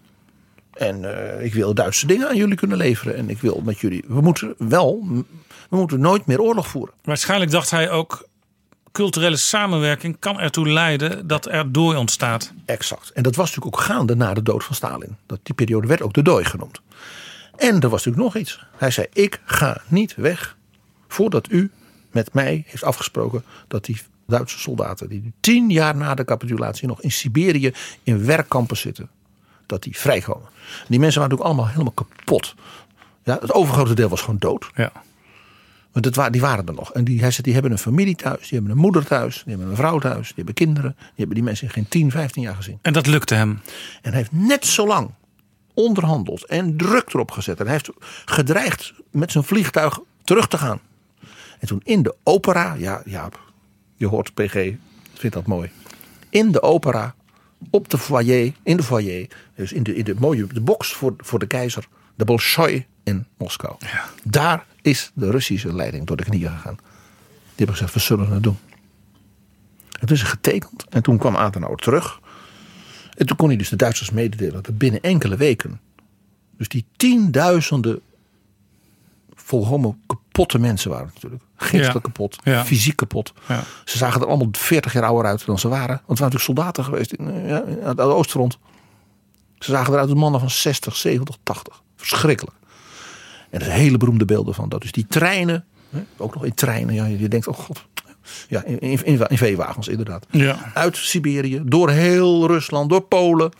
Kwamen ze uiteindelijk in het stadje Friedland in West-Duitsland. Daar mochten ze uitstappen. En daar stonden dus die families met borden. Ach, het is zo ontroerend. Want was natuurlijk, voor die mensen waren gewone jongens. Ja. En dat was dus echt iets wat hij gewoon persoonlijk gewoon heeft doorgezet. Alleen dat al maakte de man natuurlijk in de Duitse geschiedenis ja, een unicum. Maar zes jaar daarna, weer zo'n ongelofelijke crisis. Ook weer met de Sovjet-Unie. ja, 1961 13 augustus. Heel Toen- onlangs dus. Werd plotseling begonnen aan de bouw van de Berlijnse muur. Ja. Tussen Oost en West. Het regime van de DDR, wat natuurlijk een zetbaas was van het Kremlin, had dus aangekondigd: nee, we gaan dat nooit afschermen. Maar de bevolking van de DDR liep gewoon leeg via Berlijn naar het westen. Met duizenden en duizenden per maand. Die, dat land kromp gewoon doordat de mensen wegvluchten voor de dictatuur. Ja. Dus het was eigenlijk vanuit eh, zeg maar de, de communistische kant geredeneerd een noodzakelijkheid. Zo is het. Dus die muur wordt gebouwd. Burgemeester Willy Brandt, de jonge burgemeester van Berlijn, daardoor in de hele wereld beroemd. Willy Brandt was dus in de hele wereld beroemd als burgemeester van West-Berlijn. Ook door zijn prachtige toespraken en zijn charme en zijn geweldige persoonlijkheid. Hij was ook de opponent van Adenauer bij de verkiezingen daarna als kanselier. Dus het was een hele jonge vent tegenover die knorrige oude baas. Heel bijzonder. En die, dus die riep op dat het Westen moest West-Berlijn natuurlijk redden. Want we worden afgesloten, straks komt er geen eten meer binnen. Hè. We waren allemaal heel bang natuurlijk daarvoor. Ja, een heel precair moment. Zeer precair moment. En wat deed Adenauer? Ja, wat deed hij? Niets. Hij bleef in Bonn. Hij is zelfs niet naar Berlijn gegaan. Maar je moet toch op dat moment moet je toch eh, zij aan zij staan met je burgers? Niet gedaan. Volstrekt onbegrip in Duitsland dat Adenauer dat deed. En achteraf zegt iedereen: Oh, wat strategisch. Wat was dan het strategische punt hier? Stel je nou voor. De Amerikanen gaven duidelijk aan dat ze niets van plan waren om hier tegen te doen. Geen crisis in Berlijn, dreigen met kernbommen, omdat Walter Ulbricht, de baas van de DDR, een muur bouwt. Ze doen maar. Kennedy zei: Ik doe niks. Waarom, waarom deed Kennedy zo? Omdat Kennedy geen, geen atoomoorlog wilde dreigen. Omdat je on the brink of eh, Geen wereldoorlog op de rand van, van, West-Berlijn. vernietiging zou komen. Juist, geen wereldoorlog om West-Berlijn. Zoals hij ook geen wereldoorlog om Cuba wilde. Dat was een jaar later, hè? precies een jaar daarna. Nou, dus Kennedy deed niets. Dus Adenauer zei, stel je nou voor dat ik naar Berlijn ga en daar de bevolking toespreek. Dan staat er 2 miljoen man op straat en die roepen weg met Ulbricht. En we gaan dus nog persoonlijk met zijn handen die muur afbreken. Hij zei, dan gaat er geschoten worden en alles. En dan ben ik de Duitse kanselier die dus provoceert, escaleert tegen de Sovjet-Unie. Ik ben niet gek. Want dat was een typisch Duitse alleingang geweest, los van het Westen. En hij had natuurlijk zijn fundamentele strategie was nooit meer alleingang. Duitsland altijd verbonden in de rest van het Westen en de democratie. Was dit politiek gesproken Adenauers lastigste moment gedurende zijn kanselierschap? Zeker als het ging om de internationale politiek. Hij is ook binnenlands politiek eh, allerlei ellende gehad. Nou ja, maar ook binnenlandpolitiek in de zin van de burgers verwachten dat Ja. de hoogste man daar staat Ja. En zich te weerstelt. Ja. Eh, De, de peilingen waren dus echt desastreus voor de CDU toen. Vervolgens won hij natuurlijk in 63 gewoon de verkiezingen weer. Ja, maar dat kost wel even tijd. Toen het duurde even voordat men het begreep. En, want één ding, toen dat dus zo gebeurde, had die muur maar één effect internationaal. Het bewijst dat de DDR moreel, politiek en economisch failliet was. De bevolking die daar met tienduizenden met hun laatste hebben en houden in een rugtas weg. Ik begin maar overnieuw in, West, in het Westen. Maar dan kan ik vrij ademen. Dan kan ik boeken lezen die Ja. ik wil. Ik kan mijn kinderen opvoeden zoals ik wil. Ik kan geloven zoals ik wil. En dat niet een beetje, nee, honderdduizenden, honderdduizenden. Dat land liep helemaal leeg. Ja, maar Adenauer had dus geduld. Hij dacht, er zal een moment komen Dat men dit ziet. dat die muur weer verdwijnt. Hij was ervan overtuigd dat dat ooit zou gebeuren. Eh, Adenauer was helemaal geen enorme bepleiter van de Witte Hij noemde de DDR Sovjet-Preußen. Ja, ja, dat was ook weer dat, dat, dat cultuurverschil waar hij het in de trein naar het oosten al over had. Juist, Wij gaan nu Azië binnen. juist. Hij had niet zo'n vreselijke behoefte aan de Witte Zeg ik maar heel eerlijk. Het was, zoals ik zei, een spijkerharde machtsrealist. Ja, hij heeft het ook niet meer meegemaakt, hè, want 67 eh, Nee. was Nee. het einde. Nou ja, je begrijpt hier uit deze, deze, deze drie voorbeelden eh, zijn strategie ook met de Gaulle, eh, zijn, zijn verzoening met Frankrijk, met Israël en zijn optreden eh, in Moskou en bij de Berlijnse muur.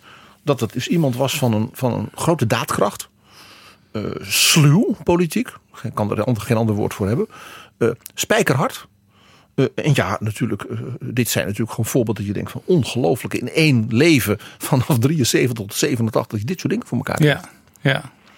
Hij had ook een hoop eigenaardige trekjes. Dat, dat, dat, dat gevoel had je al een beetje. Hè? Eh, bijvoorbeeld, Hitler ontsloeg hem als burgemeester, meteen.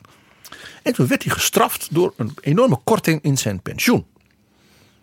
Want hij was dus ja, als slecht burgemeester, ontrouw, ja, deloyaal naar het regime. Ja. En Adenauer die zei, moet je eens horen. Er is nog een soort ambtenarenrecht. En dat was door Hitler niet aangepast. Behalve dat Joden eruit moesten, maar verder was het. Hij zei, dus ik heb gewoon recht op dat pensioen. Wat is hij gaan doen? Die man is een proces begonnen tegen de nazi's. In Berlijn. Om zijn pensioen hersteld In de te jaren krijgen. 30. Ja. Bedoel, als je nou maar één ding niet moest doen natuurlijk, was rekenen op de rechtsstaat in Nazi-Duitsland. En dan ook nog Nee, zelf gaan ja. klagen. Je moet je gedijst houden. Ja, nou dat was niet, dat was niet des Adenauer, zullen we maar zeggen. Hij won. Dat is ook opmerkelijk, want eh, dat een rechter dat nog durfde. De ambtenarenrechter had geen enkel argument meer over. Dus, het, het, eh, het, eh, dus de, dus de advocaat van, van de minister, minister Ja. Fritsch Ja. van Binnenlandse Zaken, die heeft het gewoon huishoog verloren. Hitler was woedend, woedend was hij. De nagel aan zijn doodkist was die Konrad Adenauer. Dus dan moest hij weer onderduiken in een klooster. En, eh, ja. Maar hij zei, ik daar recht op als ambtenaar, dus ik krijg dat. Ja, en hij kreeg toen vervolgens ook dat geld weer in handen. Ja. Prachtig. Onge- Dat vind, ik- vind ik zelf even de leukste verhaal over die man. Eh, weet je wat hij ook was? Hij was een hele beroemde rozenkweker. Rozen. Ja, die maakte hij zelf. Dus eh, de enten en een nieuwe soort met een nieuwe kleur of een nieuwe soort blaadjes. Zijn er nu nog door Adenauer Zeker. gekweekte rozen te, te ga, koop? ga naar zijn huis in Reundorf, even buiten Bonn. Met zijn, die prachtige tuin. Met dus zijn rozen. Dus allemaal rozenbedden. Met, die heeft hij toen in, 19, zeg maar in 1936 gemaakt. En die in 1938 en die in 1951. Ook zijn hele leven heeft hij dat gedaan. Er zijn ook heel veel leuke foto's van Adenauer in zijn rozentuin dat hij bezig is. En ze zouden bij wijze van spreken op het partijcongres van CDU-CSU nog steeds Ja. die, die rozen Ja, ja, rondom het spreekstoel te kunnen Ja, dat zetten. zou je kunnen doen, inderdaad. inderdaad. Eh, nog zoiets. In de nazi-tijd kon hij dus dat aangepaste eh, pensioen, hè, wat verminderd was, toch nog financieel aanvullen. Want hij was namelijk een enorme uitvinder. Hij vond heel veel huishoudelijke apparaten uit. voor in de keuken en voor bij de was en dat soort dingen. En daar had hij dan patenten op. Dus een apparaat om eieren te snijden of zo. Ja, en voor de was en de, eh, handiger dit. En, en, en daar had hij dus patenten op en dat leverde hem dus geld op. Via eh, de, de, de Her- AEG her- her- wasmachine. Dr. Adenauer patent. Ja. ja. Dat hij dus voor de wasmachine van de AEG dus iets. Dan kreeg je dus elk jaar Dus, een paar dus- duizend reismark. Dus hier gold voor Adenauer AEG laat je niet in de steek. Exact. Eh, ook zoiets. Hij had een hobby. Behalve dus rozen kweken en uitvindingen. Dat was het boccia-spel. Dat is een soort pétanque, zoals in Frankrijk, maar dan in Italië. Ja. Wat wij ook wel kennen als jeu de boule. Jeu de boel, ja. En, maar dat is de Italiaanse versie. Je had dus een buitenhuisje in, bij het Como-meer. En die oude mannetjes in dat dorp, die speelden dat. En daar ging je meedoen. En dat was natuurlijk zijn sport. Dan was hij in beweging in de open lucht. En dus er zijn eindeloze foto's van Adenauer op vakantie. Jasje uit, ja ja, warempel. Met van die oude, oude Italiaanse mannetjes. En dan is hij boccia aan het spelen. Daar was hij heel fanatiek in. Geweldig. En eh, eh, eh, zoals ik al zei, een van zijn bijnamen was de Der Alte Fuchs. De oude vos. Slim, zelfs sluw, intuïtie, timing. Ja, dat, dat, dat, dat, dat zat in. Hij heeft bijvoorbeeld geregeld dat West-Duitsland een volkslied kreeg. De, de geallieerden hadden namelijk natuurlijk het Deutschlandlied, Duitsland, Duitsland, über alles, alles. alles in de wereld, verboden. Het Horst Wessellied, die fana hoog van de partij helemaal. Ja, dat laatste kan ik me wel goed voorstellen. Ja. Dat Duitslandlied was natuurlijk een liberaal, pro-één Duitsland, vrij. Ja. Ja, und Recht und Freiheit. Juist, in de 19e eeuw. Maar ja, ze zongen natuurlijk altijd van der Maas bis an der Memel, hè, tweede couplet. Dus president hè, die Waar, waar ligt de memel? dat is eh, Litouwen. Ja, dat kon dus sowieso niet meer. Be- Begrijp je? Ja. je snapt hem. Ja, de, de, de- we gaan het terughalen. Ja. Nou, dus president Theodor Heuss die liet een volkslied dichten en een muziek maken door een moderne componist. Dat werd een flop. Ik zeg maar gewoon ronduit. Dat werd een beetje bespot. En de Duitsers wilden helemaal geen nieuw volkslied. En ze wilden voor rust. En ze wilden een Volkswagen. En ze wilden Wirtschaftswunder. En wilden niet, niet te veel herinnerd worden aan al die ellende. Wat doet Adenauer? Die denkt, ja, maar er moet wel iets zijn. Dus toen heeft hij op een bijeenkomst van de CDU in Berlijn, dus in West-Berlijn, op alle stoelen, 2000 man, in een grote hal, die zou hij toespreken, laten, een tekstje laten leggen. De tekst van het derde couplet van het Duitslandlied. Wat niemand ooit zong. Ze zongen alleen het eerste en soms ook het tweede. Niemand kende dat ook. Het heeft namelijk veel coupletten. Ja. Zo, Net zoiets als Wilhelmus. Juist, Ja. juist. Het is van een beroemde 19e-eeuwse dichter, Hofman van Fallersleben. Een hoogleraar in Berlijn die vanwege zijn liberale nationalistische dingen tegen de keizer jarenlang in de gevangenis heeft gezeten. Zo ging dat in Duitsland. Ja? En Adenauer heeft dat dus gewoon op al die stoelen laten leggen. Dus het derde couplet zagen ze op een gegeven moment toen ze dat papiertje pakten. Ja, en toen heeft hij aan het eind van zijn toespraak gezegd: Ik vind dat wij als christendemocraten onze broeders aan de andere kant van de grens, dat was nog niet de muur, een hart onder de riem moeten steken. Dat ze weten, dat ze kunnen horen dat we aan ze denken. Dat we van ze houden, dat we ze nooit in de steek zullen laten. Dat kon hij prachtig. Zei, daarom stel ik voor dat wij allemaal spontaan, dat is ook helemaal niet spontaan, het derde couplet van het Und Deutschland lied zingen. Einigkeit und Recht und Freiheit für das deutsche Vaterland. En dat is nu inderdaad, dat zijn nu de strofen die je altijd hoort. Het enige wat je dan hoort. De geallieerden hebben hem officieel berispt voor deze inbreuk op de afspraken. En Adenauer heeft gezegd, ze kunnen de boom in. Ja. Als ik dat wil zingen, dan zing ik dat, want die tekst is loepzuiver. Eenheid, recht en vrijheid voor het Duitse vaderland. Laten wij daar alles streven, brüderlich, in hand in hand. Einigkeit und Recht und Freiheit für das. Sind des Glückes Unterpfand. Dit is het onderpand van het geluk dat je eenheid en vrijheid en recht hebt. Ja. Adenauer zei, ik kan me niet voorstellen dat je dat wilt. Blijf ons verbieden. En toen hebben de geallieerden, die hebben het gewoon, hebben gewoon gezegd van, deze man, daar kun je gewoon niet tegenop. Dit is zo'n sluwe vos. En dat hebben ze het goed gevonden. En die twee elementen, eh über alles in de wereld en van de Maas bis aan de Memel, die zijn sindsdien Vergeten. geschrapt. Vergeten.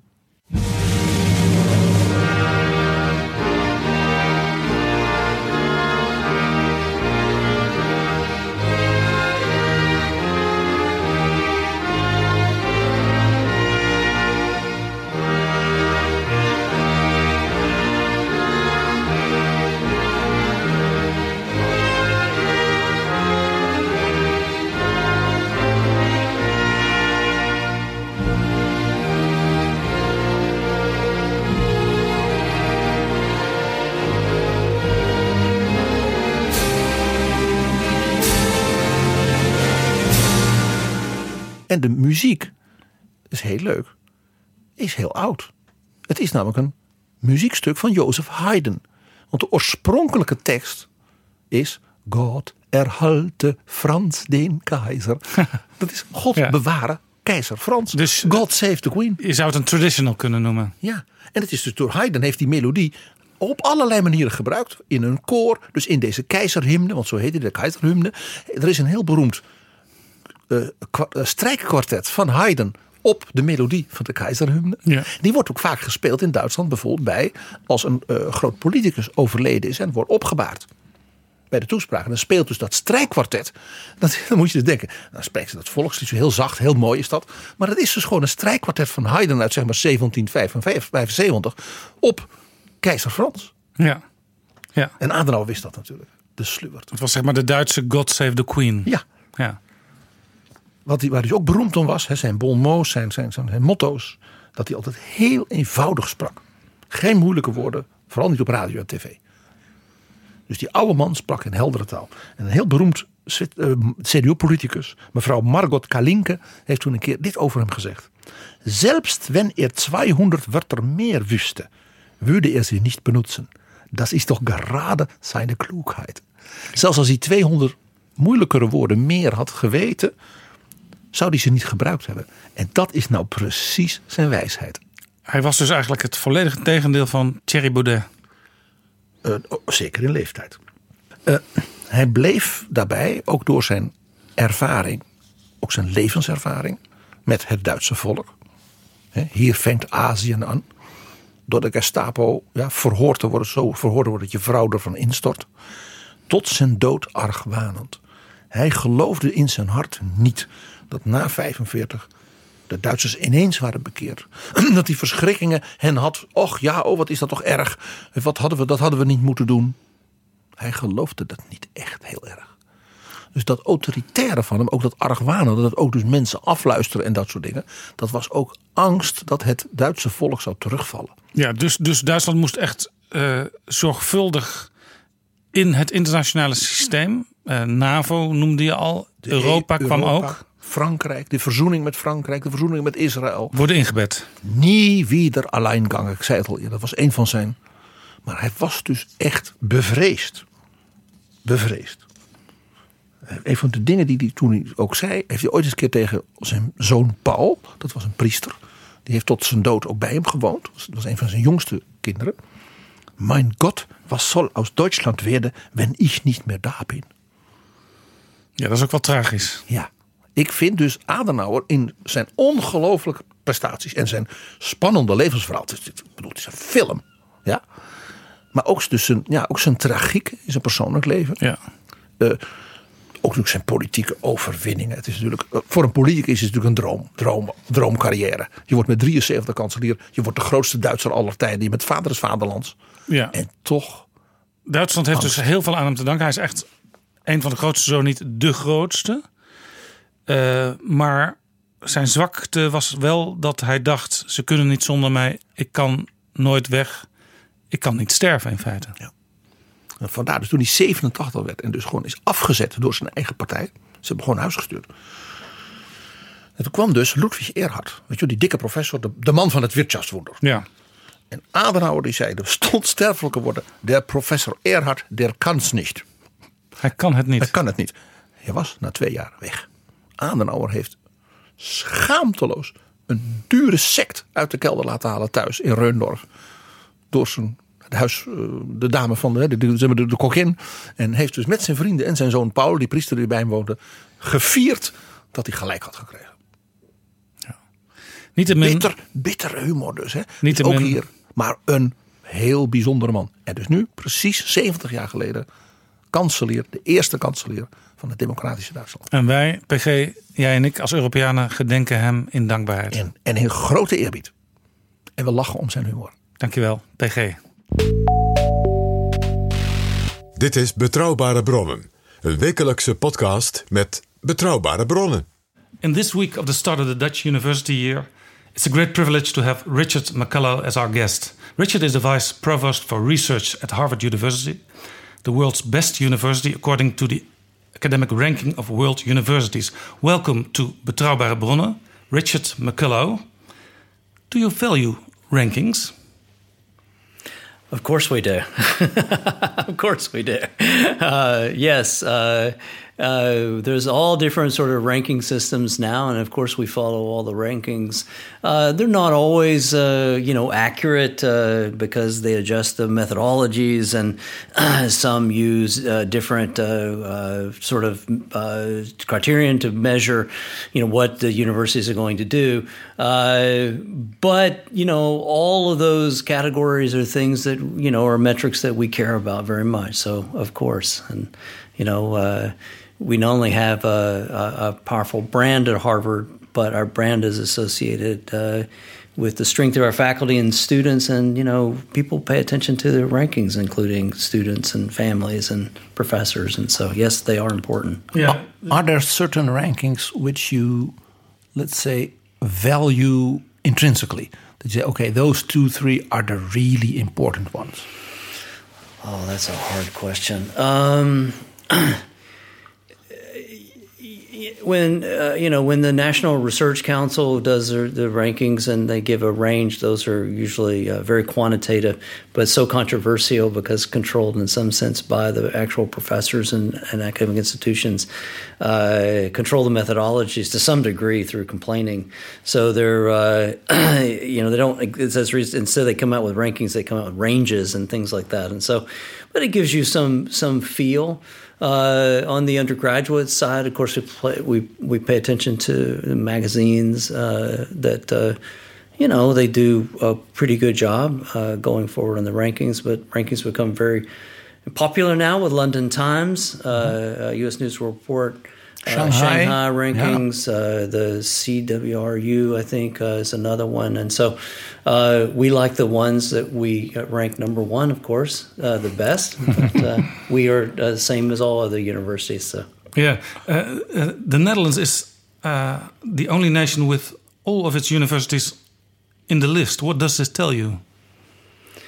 Well, I mean, it's a great tradition of uh, having very strong universities in, in the Netherlands. Um, uh, I'm a scientist by training, so I I certainly know uh, the universities in, in this area and in, in, the Netherlands, and very strong universities going forward, Eindhoven, Twente. Uh, a you know uh, in the sciences in particular. Tilburg, of course, is more in the social sciences, but I know them a little, a little less. I certainly know them now from the strength of the university in the social sciences and law and business and economics. but I mean, there's a great tradition here to uh, to to make in the investments. Uh, uh, not only universities, but uh, in the public-private partnerships uh, uh in uh, Holland and I mean, Netherlands and, and, Belgium going forward. And so we pay close attention to that. So I'll stop there because I'm going to get off subject because I, I, will let you allow you to ask other questions related to that. Yeah. Well, uh, as a historian, you can imagine I like the fact that Harvard University was a university in the New World – from the year 1636. The same year as the Utrecht University here in the Netherlands. Yes. And Amsterdam is only a few years older. Yeah, four years older. So, so, so you have a great uh, history, although you're from the New World. Yes. You're not quite Bologna, eh, 1088, yeah. but this says something. The university is a phenomenon of Western civilization. Yes. Only the Catholic Church is an older institution which is still going strong. What makes the university as an institution so vital, so vibrant after all these centuries? Yeah, it's great. I mean, we heard from the students today in the opening of the academic session here at Tilburg University that the ability to come to a place and have a free discourse of, uh, of thought and uh, arguments and uh, discussion. I mean, those are the things I remember so uh, clearly from my university days and, to, and and with my students as a professor. Yeah, you, st- you yourself started at the University of Texas. I started at uh, I, I, was at community college, uh, Eastfield Community College for three years, and then I was at University of Texas at Dallas. And then I was at Johns Hopkins and then Columbia, um, and then took my first professorship at Carnegie Mellon University. Uh, but it's that sort of interaction with the special relationship uh, with the with the students and and uh, the intellectual discourse uh, going going forward, which really makes universities uh, very special. It's it's it's not controlled education like high school. You know, you sit here, you do this, you do that. There's a curriculum, and the teacher tells yeah, you. Yeah, it's much more uh, the transition from uh, being um, young to being an adult, and there's a good place for people to to in a safe harbor uh, have a meta parent uh, with professors who are not the parents, so that it gives them a chance to sort of grow, and that that's a very special special relationship. And of course, the professors get more out of it than the students because we are in this perfect position to say, you know, we get to see this this talent and the enthusiasm and you know not cynical uh, uh, outlook on the world uh, and you and, see your future competitors. And you see, you, well, you see the future. Yeah. The university is um, is about seeing the future. So there's nothing more exciting than uh, to being the, uh, in some sense, the creators of the future. Not, you know, I don't want to be over the top, but in some sense, we we help to create the talent that creates the future. And so, and with discoveries and talent, it's we we play a big role. And there's something very powerful about that in a university. It doesn't have to be Harvard or, you know, it could be, you know, it can be any university, but that, that powerful community is what I think makes university special. Another thing which I thought is also the theme of your uh, opening speech of the academic year is the values which, let's sort of, are the fundamentals of why a university, you know, survived all those centuries as, as an institution. Can you say a little bit of what kind of values that you say, which are sort of carrying Harvard through the centuries? Yeah, well, uh, our motto is uh, Veritas, so truth.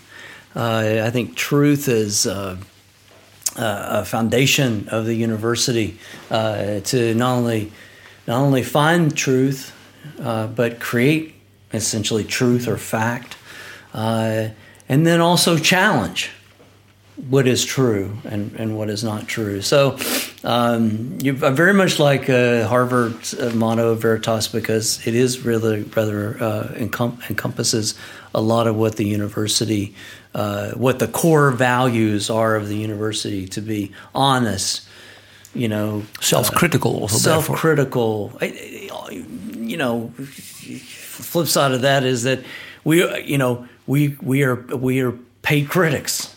You know, uh, professors and administrators. We, uh, you know, and so sometimes we go too far in that regard. Uh, uh, we have to remember to be, you know, encouraging.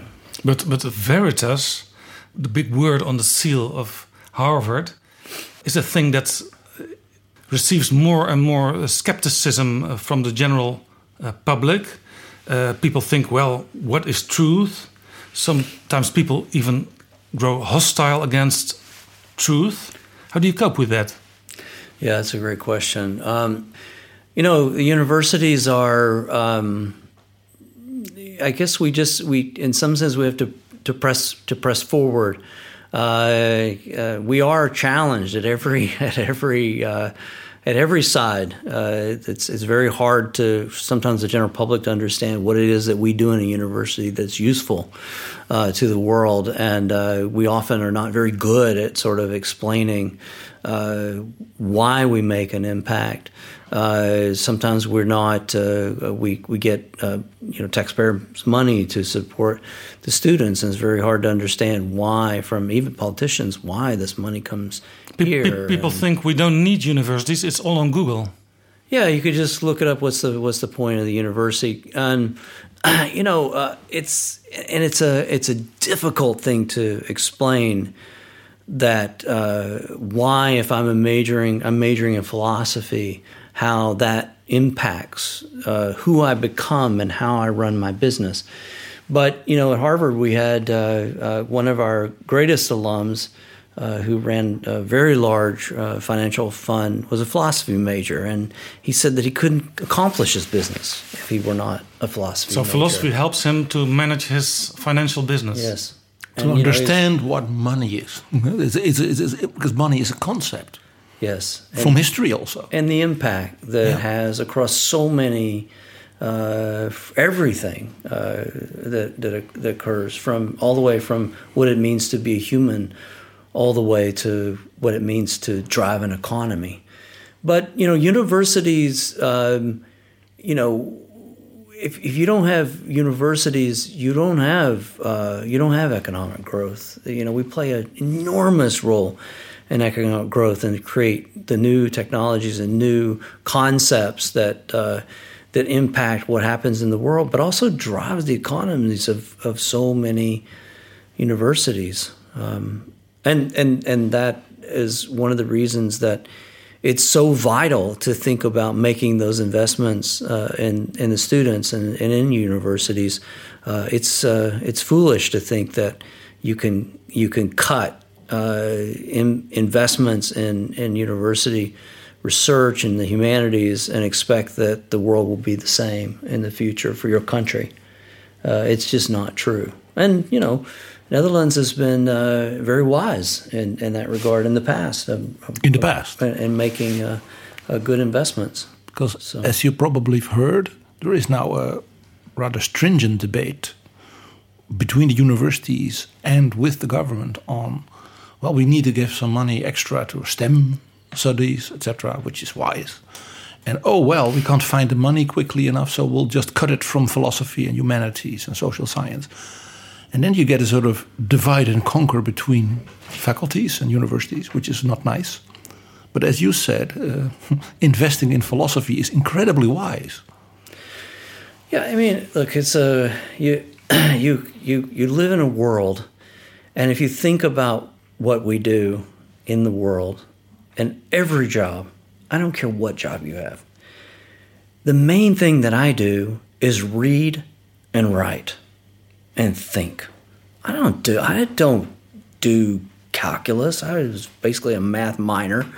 And you know, I don't use any of the mathematics that, that, that I learned but I can use it if I need to, and it helps me to understand as as directing research at Harvard uh, what you know data science and doing a data science initiative. But you know these these are the uh, these are the things that you you know the humanities and social sciences and stuff like that. I mean, I guarantee you what the two of you do, and most of the folks listening today, we read and we write. We do you know We add, converse. subtract. And we converse. We converse. We- we- we eat each other brain- other's we communicate. Yeah. Commu- communication, socialization. These are the things that that make the world great. These are the things that lead to discovery. Discovery doesn't happen if we can't communicate. And uh, you know, it's it's it's it's just it, it it gets lost in the conversation sometimes. I think. Yeah. In the Netherlands, only 2% of the gross domestic product goes to research and development. Is that enough? No, there's no way. If you look at, you know, they had the same debate. I'm, I'm not an expert, so I may be telling things that are not quite right. But you can go and look at the UK, I don't know, 10, 15 years ago, and they, they went through the same sort of thing. You know, oh, we need to cut sciences, blah, blah, blah, blah. And then they had an awakening. They've, they've, they've invested much more money in sciences, and they're sort of, uh, it made a big difference uh, going forward.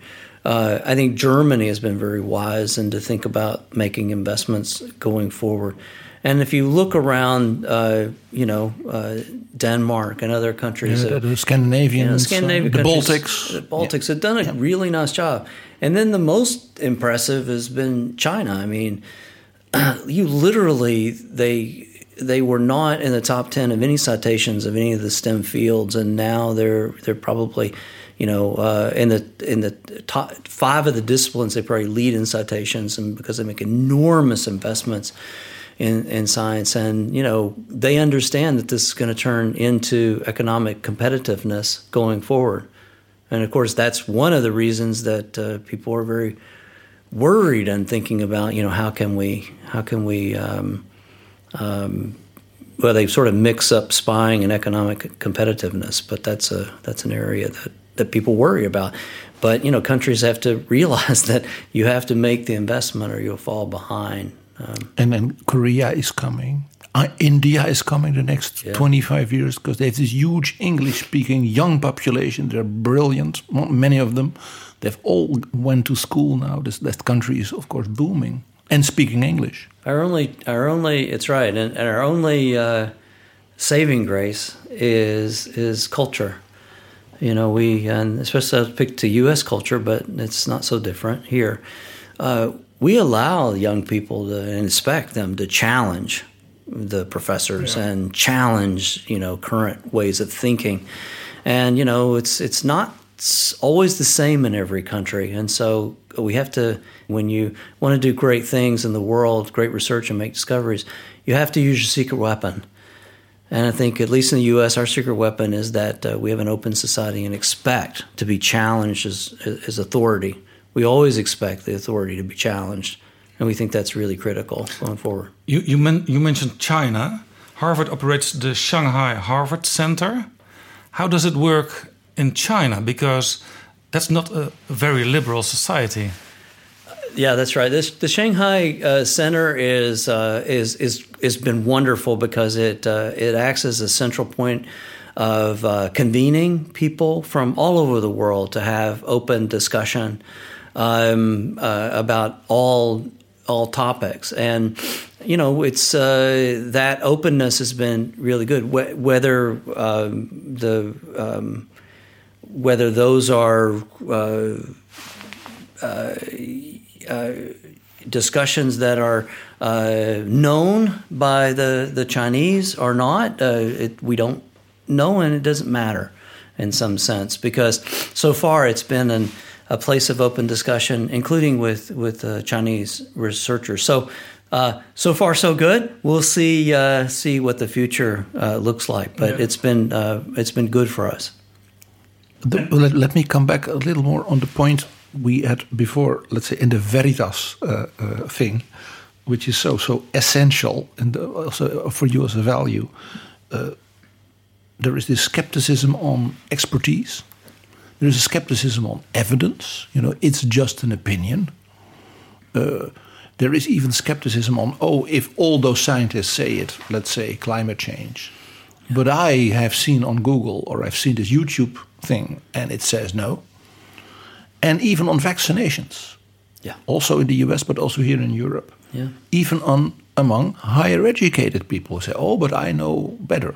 Yeah. How do you cope with that skepticism? How also how do you teach your students to overcome that and stay, let's say, uh, uh, uh, stay, let's say, confident? Yeah, it's a great question. Uh, I know it's a horrible question. well, you know, it's. Uh, uh, I mean, part of what we do at the university is, uh, I, I'll, I'll say, teach critical thinking, but we don't teach critical thinking. we uh, uh, students get experience with critical thinking. You through- train them in critical thinking. it- we we uh, we expose them to critical thinking. I would say, right? Uh, maybe you train them to some degree. Of course, you know you have a problem and you show how you analyze it, and then that they can learn from that. Uh, but almost through this, through conversation and communication, is where you get experience with uh, being critical of, of your results or you're critical of, of what you're discovering. And then we hope that they'll take that with them going forward. Uh, climate change is particularly, uh, you know, uh, uh, ridiculous one because uh, it is overwhelming fact to support uh, climate change. Uh, maybe they made a mistake and call it uh, uh, global warming, and so that was a little bit of a uh, uh, distracted people from, uh, uh, or the prediction was not correct. In the winter, people say it's colder than last year. So what about global warming? Yeah, what about global warming? You know, I mean, well, or this ask- spring we had so much rain and it was really chilly. Yeah, you yeah. know. We just have to ask them in May in Europe. You know, oh, what do you think about global warming now? You know, uh, uh, so it's that. You know, we have now uh, a new hurricane uh, near Florida. I was reading in New York Times today that. Uh, it could be a category six, but there's no such thing as a category six, right?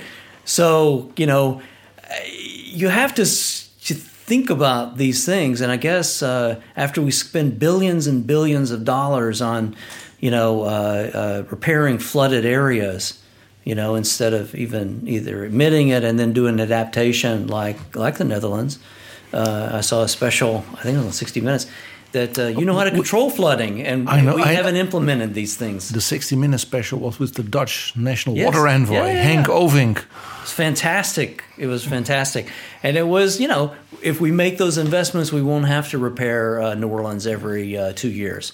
And spend every two years billions of 15 f- Yeah. on, on New Jersey, on. Miami, which is Miami, sinking, on New Orleans. Yeah. So you know, some of these things we just. Uh, I mean, okay, don't believe the science. Believe the result. The result is that you're spending more money on repairing these places because they're flooding more often. Okay, maybe it's cyclical. Call it cyclical. Call it anything you want. It doesn't really matter. Just you got to admit there's something going on here, and we better do something about it. At least prepare. I mean, right now we're in adapt. We're in adaptation. Yeah, but long before You know? there are results, you have to have projects, and Harvard has many projects on Yes. uh, climate change. Yes. So you first have to to tell people it's very important. You may not see it now, but maybe in about forty or fifty years, you can see the results. Yeah, we launched uh, with uh, President Faust and I launched the Climate Change Solutions Fund maybe uh, four or five years ago, and we invest a million dollars a year on seed projects, a sort of transformative, transformative, uh, high risk, high reward projects for not only climate change solutions but adaptation. So that's the power that universities can play. You know, uh, is to try to help to uh, create uh, solutions and adaptations. Uh, we can't. Uh, we. I, I, I often say one of the most powerful things about universities is that we can work on a problem like climate change because we don't have to worry about qu- quarterly stock reporting. We we can take it on as a long term project, and it's very complicated. That's perfect for a university. Companies have a different. Uh, you know, they're they're more like. Well, my shipping routes uh, uh, don't work anymore, or actually, the you know the the ice is melting. We can take advantage of shipping across the you know the Arctic Circle now. We couldn't do that before. We can save money. So you know that's what they're in the business of. We're in the business of trying to figure out how I'm- to I'm more- adjust. Are most of the inventions still being done at universities and not in businesses? I think uh, uh, for the most part that's true. Most of the uh, many many companies have uh, gotten rid of their research and development organizations, and as they cut cost, uh, that's the first thing to go. Uh, they use acquisition, so small startup companies or other companies as a way to acquire technology. they struggle with trying to be innovative, coming up with new innovative. Not all companies, but you know, I think that's that was a change where we switched to much more of a, a financially driven world and not a long term uh, importance. Uh, I think the area where, and so I think universities play the biggest role in uh, life sciences discovery and physical sciences discovery, biotech. in particular, uh, biotech, uh, biomedicine, uh, things like that. Uh, but you know, if you look at uh, there's certainly really amazing, innovative com- companies in uh, in the pharma uh, industry, uh, and and and then probably in digital innovations and uh, and IT. I think the companies are some of some of them are. You know, much further ahead of universities in some of these areas because they, yeah, are investing yeah. heavily. One of your alumni is Mark Zuckerberg. Yes. Yeah, I mean, you know, Facebook, Google, Microsoft, you know, they're making enormous investments. They hire the, some of the best people in the whole world. They pay them well. Uh, they're doing, and the, and so they, they can do more, and sometimes data. they can do more than a university. And they have the data. So if you take the combination of they have the data, they have brilliant people, they have the money to invest. Uh, you know, we certainly we, we we we're on the the discovery side of that, but they are both discovery and implementation. So I think artificial intelligence, machine machine learning. I may be wrong, but I feel like that they're they're probably ahead of universities in this area. So I think in you know that's of course, this is my opinion, uh, informed opinion, but opinion nevertheless. What you see here in Europe, also thanks to the European Union and the, let's say the tradition, certainly in the Netherlands, what we call the triple helix is this the co cooperation between the knowledge sector, universities, uh, university for prof professional uh, development for professions, um, companies, and government, European Union, in a sort of a tripartite yeah. thing is this something you you see also in the US? Is this sort of cooperation developing, for instance, on state level? Uh, not really. I mean, uh, it's it's an area. If you go back to uh, even congressional testimony that I gave, you know, ten years ago, uh, I was promoting uh, the Holt Center and IMEC. These are these are examples of places that you're mentioning where you have all these you know industry universities professional training all coming together uh, local government uh, federal government coming together to spur innovation. Uh, imec is, is particularly interesting because there were no there were no semiconductor you know places around imec but the companies came to them and so I've been telling people in the United States government for I don't know how long that we need to emulate this, and uh, we're we're so uh, caught up in uh, who owns the intellectual property, and and uh, you know, are we going to miss the opportunity for you know a billion dollar discovery? You know, are we going to have the startup company? But these are these are uh, uh, this is just mathematics. You know, if we create a company that costs 10 it, that goes public and it get, it makes 10 billion dollars okay? Chances that are very slim. And we own uh, you know uh, probably 5% 500 million dollars. 500 million dollars is a lot of money. But it and it may make a big impact on a small part of our university. It's really not something that will transform harvard you know, and, and it may transform some universities with, you know, but it, it won't. So we, and the chances of that are point oh, you know, and so we have to work together. Uh, and, and we've, we've done, I think the United States has done uh, a poor job. Love my country. But this, you know, you can even look to the UK, which is not necessarily a company that you would, I mean, a country you would say, they are leading, you know, in, in, in this innovation but that's completely not fair. If you go and look at what's going on in the UK, places like Oxford bring in 20% of the money that comes into the research budget uh, comes from companies. The best in the United States is MIT at about you know 16, 18%. And then after that, every university is below 10%. So we have a real issue there. And that's one of the reasons that I'm at Harvard is trying to improve uh, those relationships with, with, with corporations. So Europe and European Union and, and, and countries in Europe are doing this so much better than the United States. They don't, it's in their nature maybe, they don't brag about it, they don't talk about it. And in fact, if you were to ask them, oh, we don't do that very well. No, you just need to look at the data. You're doing this extremely well. And uh, you should uh, accelerate that because that's, a, that's, your, that's your secret weapon, I think. Ah, interesting, interesting. Well, um, a completely different, let's say, historical uh, uh, uh, angle. You have some very, very special alumni. Not just President Barack Obama. I'm thinking of Benazir Bhutto. But let's not forget FDR, who was not a brilliant student, but he learned some very important things, making him this great leader he was. JFK, uh, George W. Bush, Ban Ki moon how, how, how in this tradition with this incredible sort of social capital, because that is it, this social capital, how, how is it to, to, to converse with the present government and the president president? Uh, yeah, that's a, oh, that's a great question. So uh, we um, uh, we're very fortunate. You know, we have a, a tremendous brand and a tremendous legacy. Uh, we also curate uh, admissions around leadership is is very important uh, for Harvard going forward. We um, and we do create a, a, large number of leaders uh, in in the world, and many of them are in the government. You know, many people in the Senate and the and the House are Harvard graduates. Uh, we have great relationships with with many of them. Many of the people in the administration. Uh, you know, if we look at you know, we have good relationships with uh, uh, some of the people in the administration that that did go to Harvard, uh, and uh, you know, we we work on trying to continue to to build those relationships. You know, the the Congress pay, plays the biggest role in terms of uh, the funding of, of, of, research, and so uh, they get it. Yeah. It was a big challenge a few years ago. So Congress is more important than the government itself. Yes, uh, more important than than, than, than the White administration.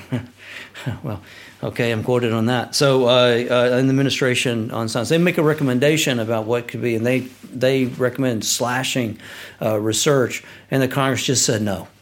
Uh, and so, uh, there's been a big change. If you go back 10, 15 years ago, it was pretty divided in terms of whether people thought you should support research and I think now what you'll hear from the most important people in the United States is that in general, the Congress get it and the majority. Republicans, Democrats. So that's better than it was 10, 15 years ago. Much better. And so they get it. The only issue is is the you know is, is the budget. I mean, non-discretionary spending is is a real challenge uh, for the United States, given Social Security and all the defense spending stuff like that. If you look at pictures of the budget, you know, it's just dominated by interest in Social Security, health care. Uh, and so non-discretionary uh, spending is uh, is a is a very difficult area.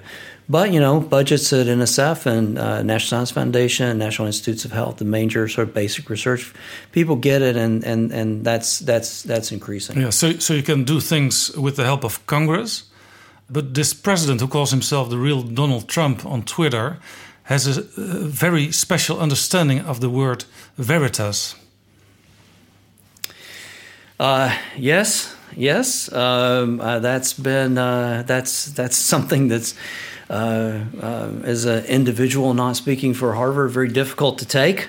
Uh, and is, is something that we, you know, that as a, as a citizen of the United States, I, I, I worry a great deal about the, the, as you said before, you know, what is truth, what is not truth, what is fake news, what is real you know, you know, it, it just is very difficult to see when somebody does one thing, and then when they talk about think about the thing that has been done, they speak it completely. Uh, they did something that's completely opposite of what is actually happening, and it's very difficult to take. But um, our goal is is to be, you know, we're we're uh, we're a university. We're not partisan.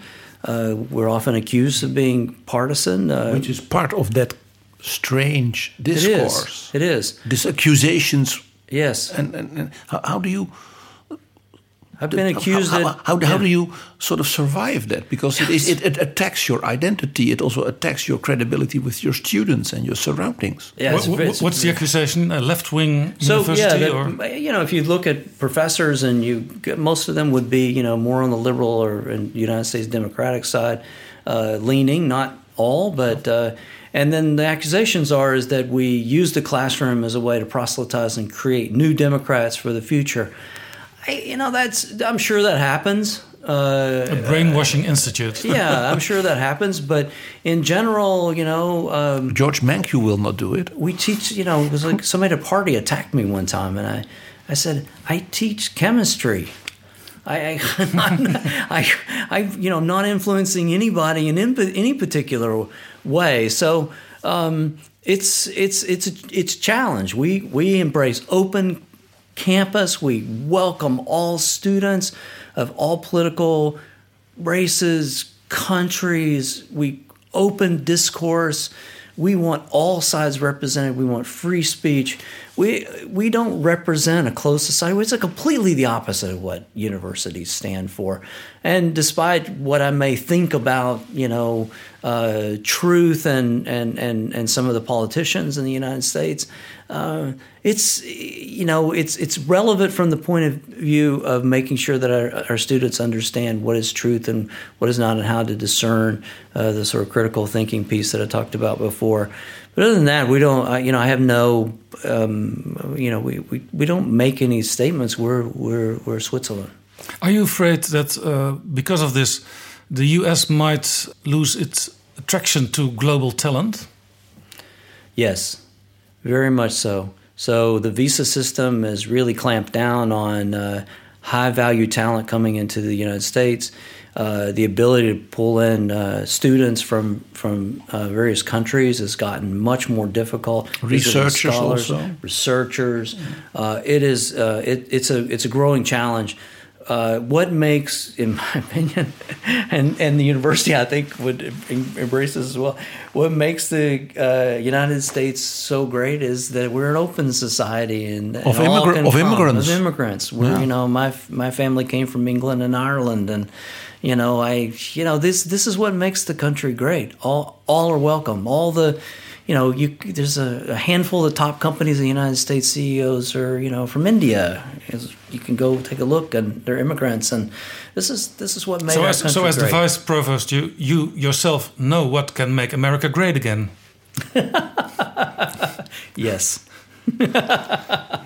At the same time, you see countries like Canada, the Netherlands, uh, other you know uh, uh, outgoing members of the EU, uh, raking in those talents and attracting them, uh, and the US missing out. yeah, and and you see that uh, you know uh, if you look at the the global fl- flow of talent, you saw a lot of the students from Asia, in particular, starting to go to Australia. Uh, a lot of the students uh, that came over to the uh, U.S., uh, students of mine were from China, for example, all stayed and great jobs, amazing people, contributing in wonderful, amazing ways. Uh, and then uh, and now people are starting to move back. Professors are moving back to China. The the financial packages that they get, there's a bit of a I wouldn't call it a brain drain, but I mean, there's definitely uh, the attractiveness of going back to China, where you can get a lot of money for your research.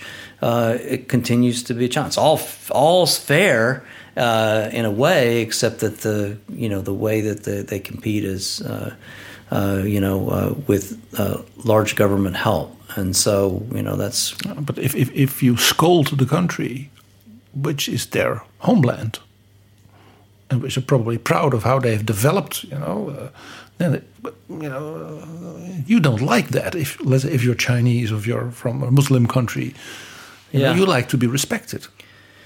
Yeah, and it's a it's it's a challenge because there's nothing wrong with economic competitiveness. No. Uh, if you fight unfairly and you use spying and stealing of corporate secrets or some of the allegations that have been made, I understand why you would want to you know uh, go against that and try to do something about it. Uh, but economic competitiveness is not spying. Uh, you know, and so you know, sometimes our con- our countries need to just uh, wake up and see, well, you know, they're they're doing a smart thing by making investments where we are complaining. Will there be a day that uh, Chinese universities will top the academic ranking list? Well, it's a good question. Uh, I think that uh, it is of concern. I mean, uh, these are uh, in terms of trying to maintain our uh, international competitiveness, especially with U.S. universities. Uh, you already see the rise. You see it in citations, as I mentioned before. You see some of the academic disciplines. you know, I'm an editor of Advanced Materials, one of the best materials journals in the world. And, uh, you know, 10, 15 years ago, uh, weren't very many papers from China, and now half the journal or more is uh, from Chinese. And, and, and amazing work. I mean, it's not. It's not the it's value not, is high. Yeah, and also the added value is high. Yeah, the added value is high. It's not all stolen. It's no, that's no. It's it's it's just good stuff uh, made with uh, good, you know, good, honest, uh, uh hard work and investment. We saw this in, in Japan. Remember when uh, Japan was on the rise and, and, and Japanese science was was really at the pinnacle.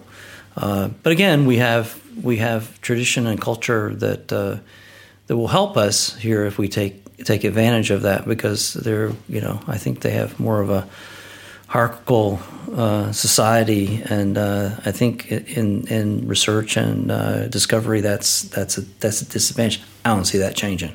Like in Japan, it's deep cultural, strong hierarchical, traditional, and of course the demographics in in Japan are not conducive to, let's say, young people. Yes. So that's also a thing. So Japan had its day. Yes. And the U.S. is still vibrant and young if it wants. Yeah, again, our our our secret weapon is is our our youth and our culture of welcoming uh, an immigrant society and, and welcoming open environment on campus. And, yeah, talk, and, talking and about this, young people to challenge us. Yeah, Sorry. in 2017, for the first time in Harvard history, the freshman class entering was the first to be predominantly non-white, about 51%, and also about half of the student population at Harvard is female. What does this tell you in a cultural way? Uh, well, it, uh, it's uh, diversity equals excellence. You know, I mean, I think uh, that's the, the key the key point uh, to be representative of uh, of society. so we've worked very hard on on that, um, and you know, it's it's it's not so easy sometimes because we uh, sometimes a big big university with big brand names is a pretty intimidating place, and so um, we and we continue to, to yeah. work on on. That. And in the past, a son of a alumnus was easier uh, to go into Harvard than than other people. You can read in the newspapers what they say about that. I mean, it's uh, uh the missions are holistic admissions. They take so many factors uh, uh, that are involved in this. It's not as if an alumni, you know, has a, a, a radical advantage, uh, but it you know there is definitely a uh, uh, is part of the of the things that are considered. Uh, going forward, but I would say leadership more so. You know, I mean, you sort of have to have, you know, the grades and the scores and and background and and you know measures for success, but leadership is a very critical aspect of admissions. I would guess much more so than some of these other factors that are more sensationalized. How would you define leadership? Ah, wow.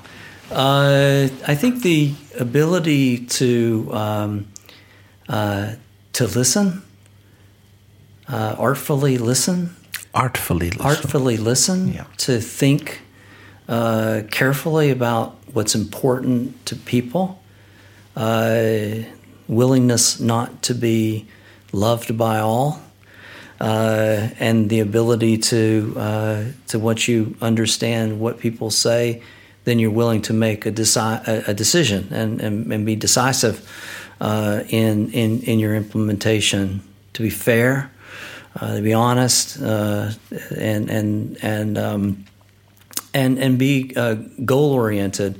Uh, to for university to to focus on the most important thing, which is the university itself and the and the people in the university. Can you give us an example of a project or maybe a student uh, that makes you very happy and optimistic about the future of Harvard?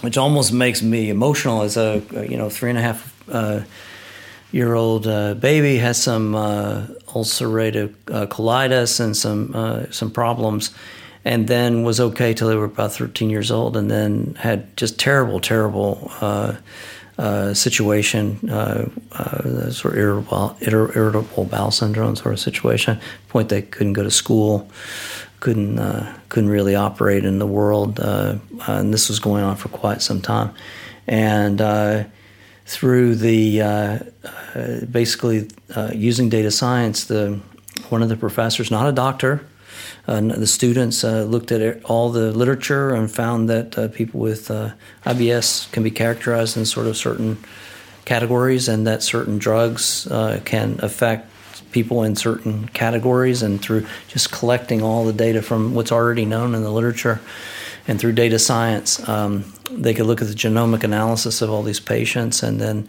they could determine which drugs, based on you know knowledge from the literature, which uh, which drugs might have the best uh, impact, and and then made a prediction. Uh, gave this person a, essentially a Chinese supplement, uh, which almost like indigo, uh, and and the child was cured.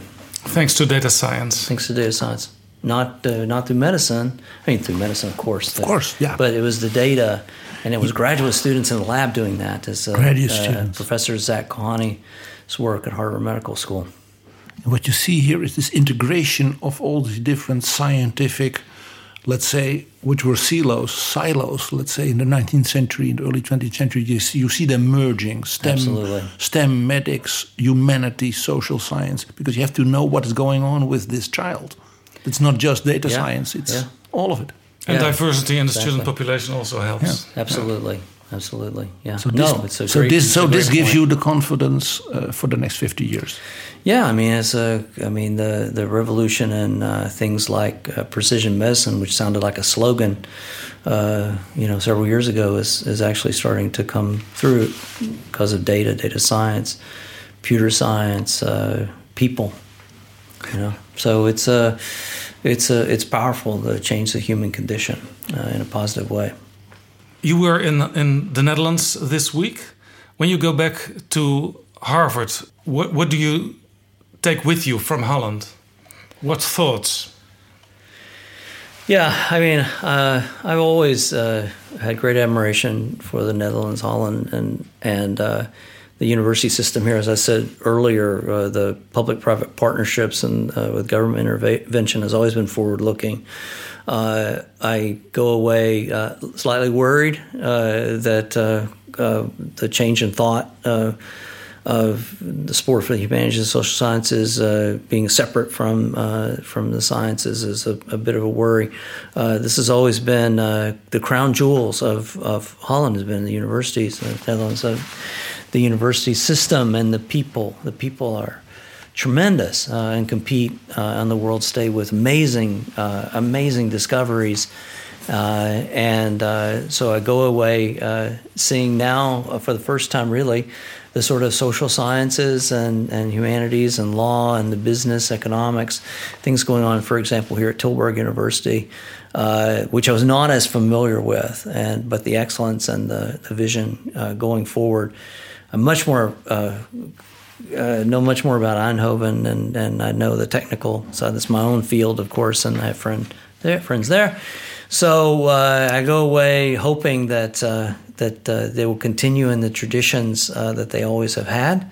Uh, encourage them so what little what uh, whatever influence that may have, but it's important not only for the, eco- the economy but for the people and the pride and um, you know this, this, these are the things that lead to the new industry and economic sustainability of the country. Uh, so uh, I go away again always impressed uh, with the people, uh, uh, the the the high intellectual thought.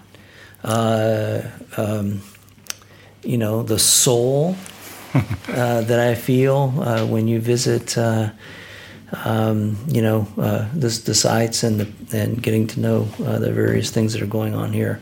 So you'll be back. Yeah, I, I love I love it here, and uh, jumped at the chance to to, to come back. I, I always uh, always jump at a chance to, to come to to the Netherlands. Uh, culture is wonderful. People people are wonderful. Uh, it's always a great a great thing. Richard McCullough, thank you very much for this conversation. Thank you so much. Dit is Betrouwbare Bronnen.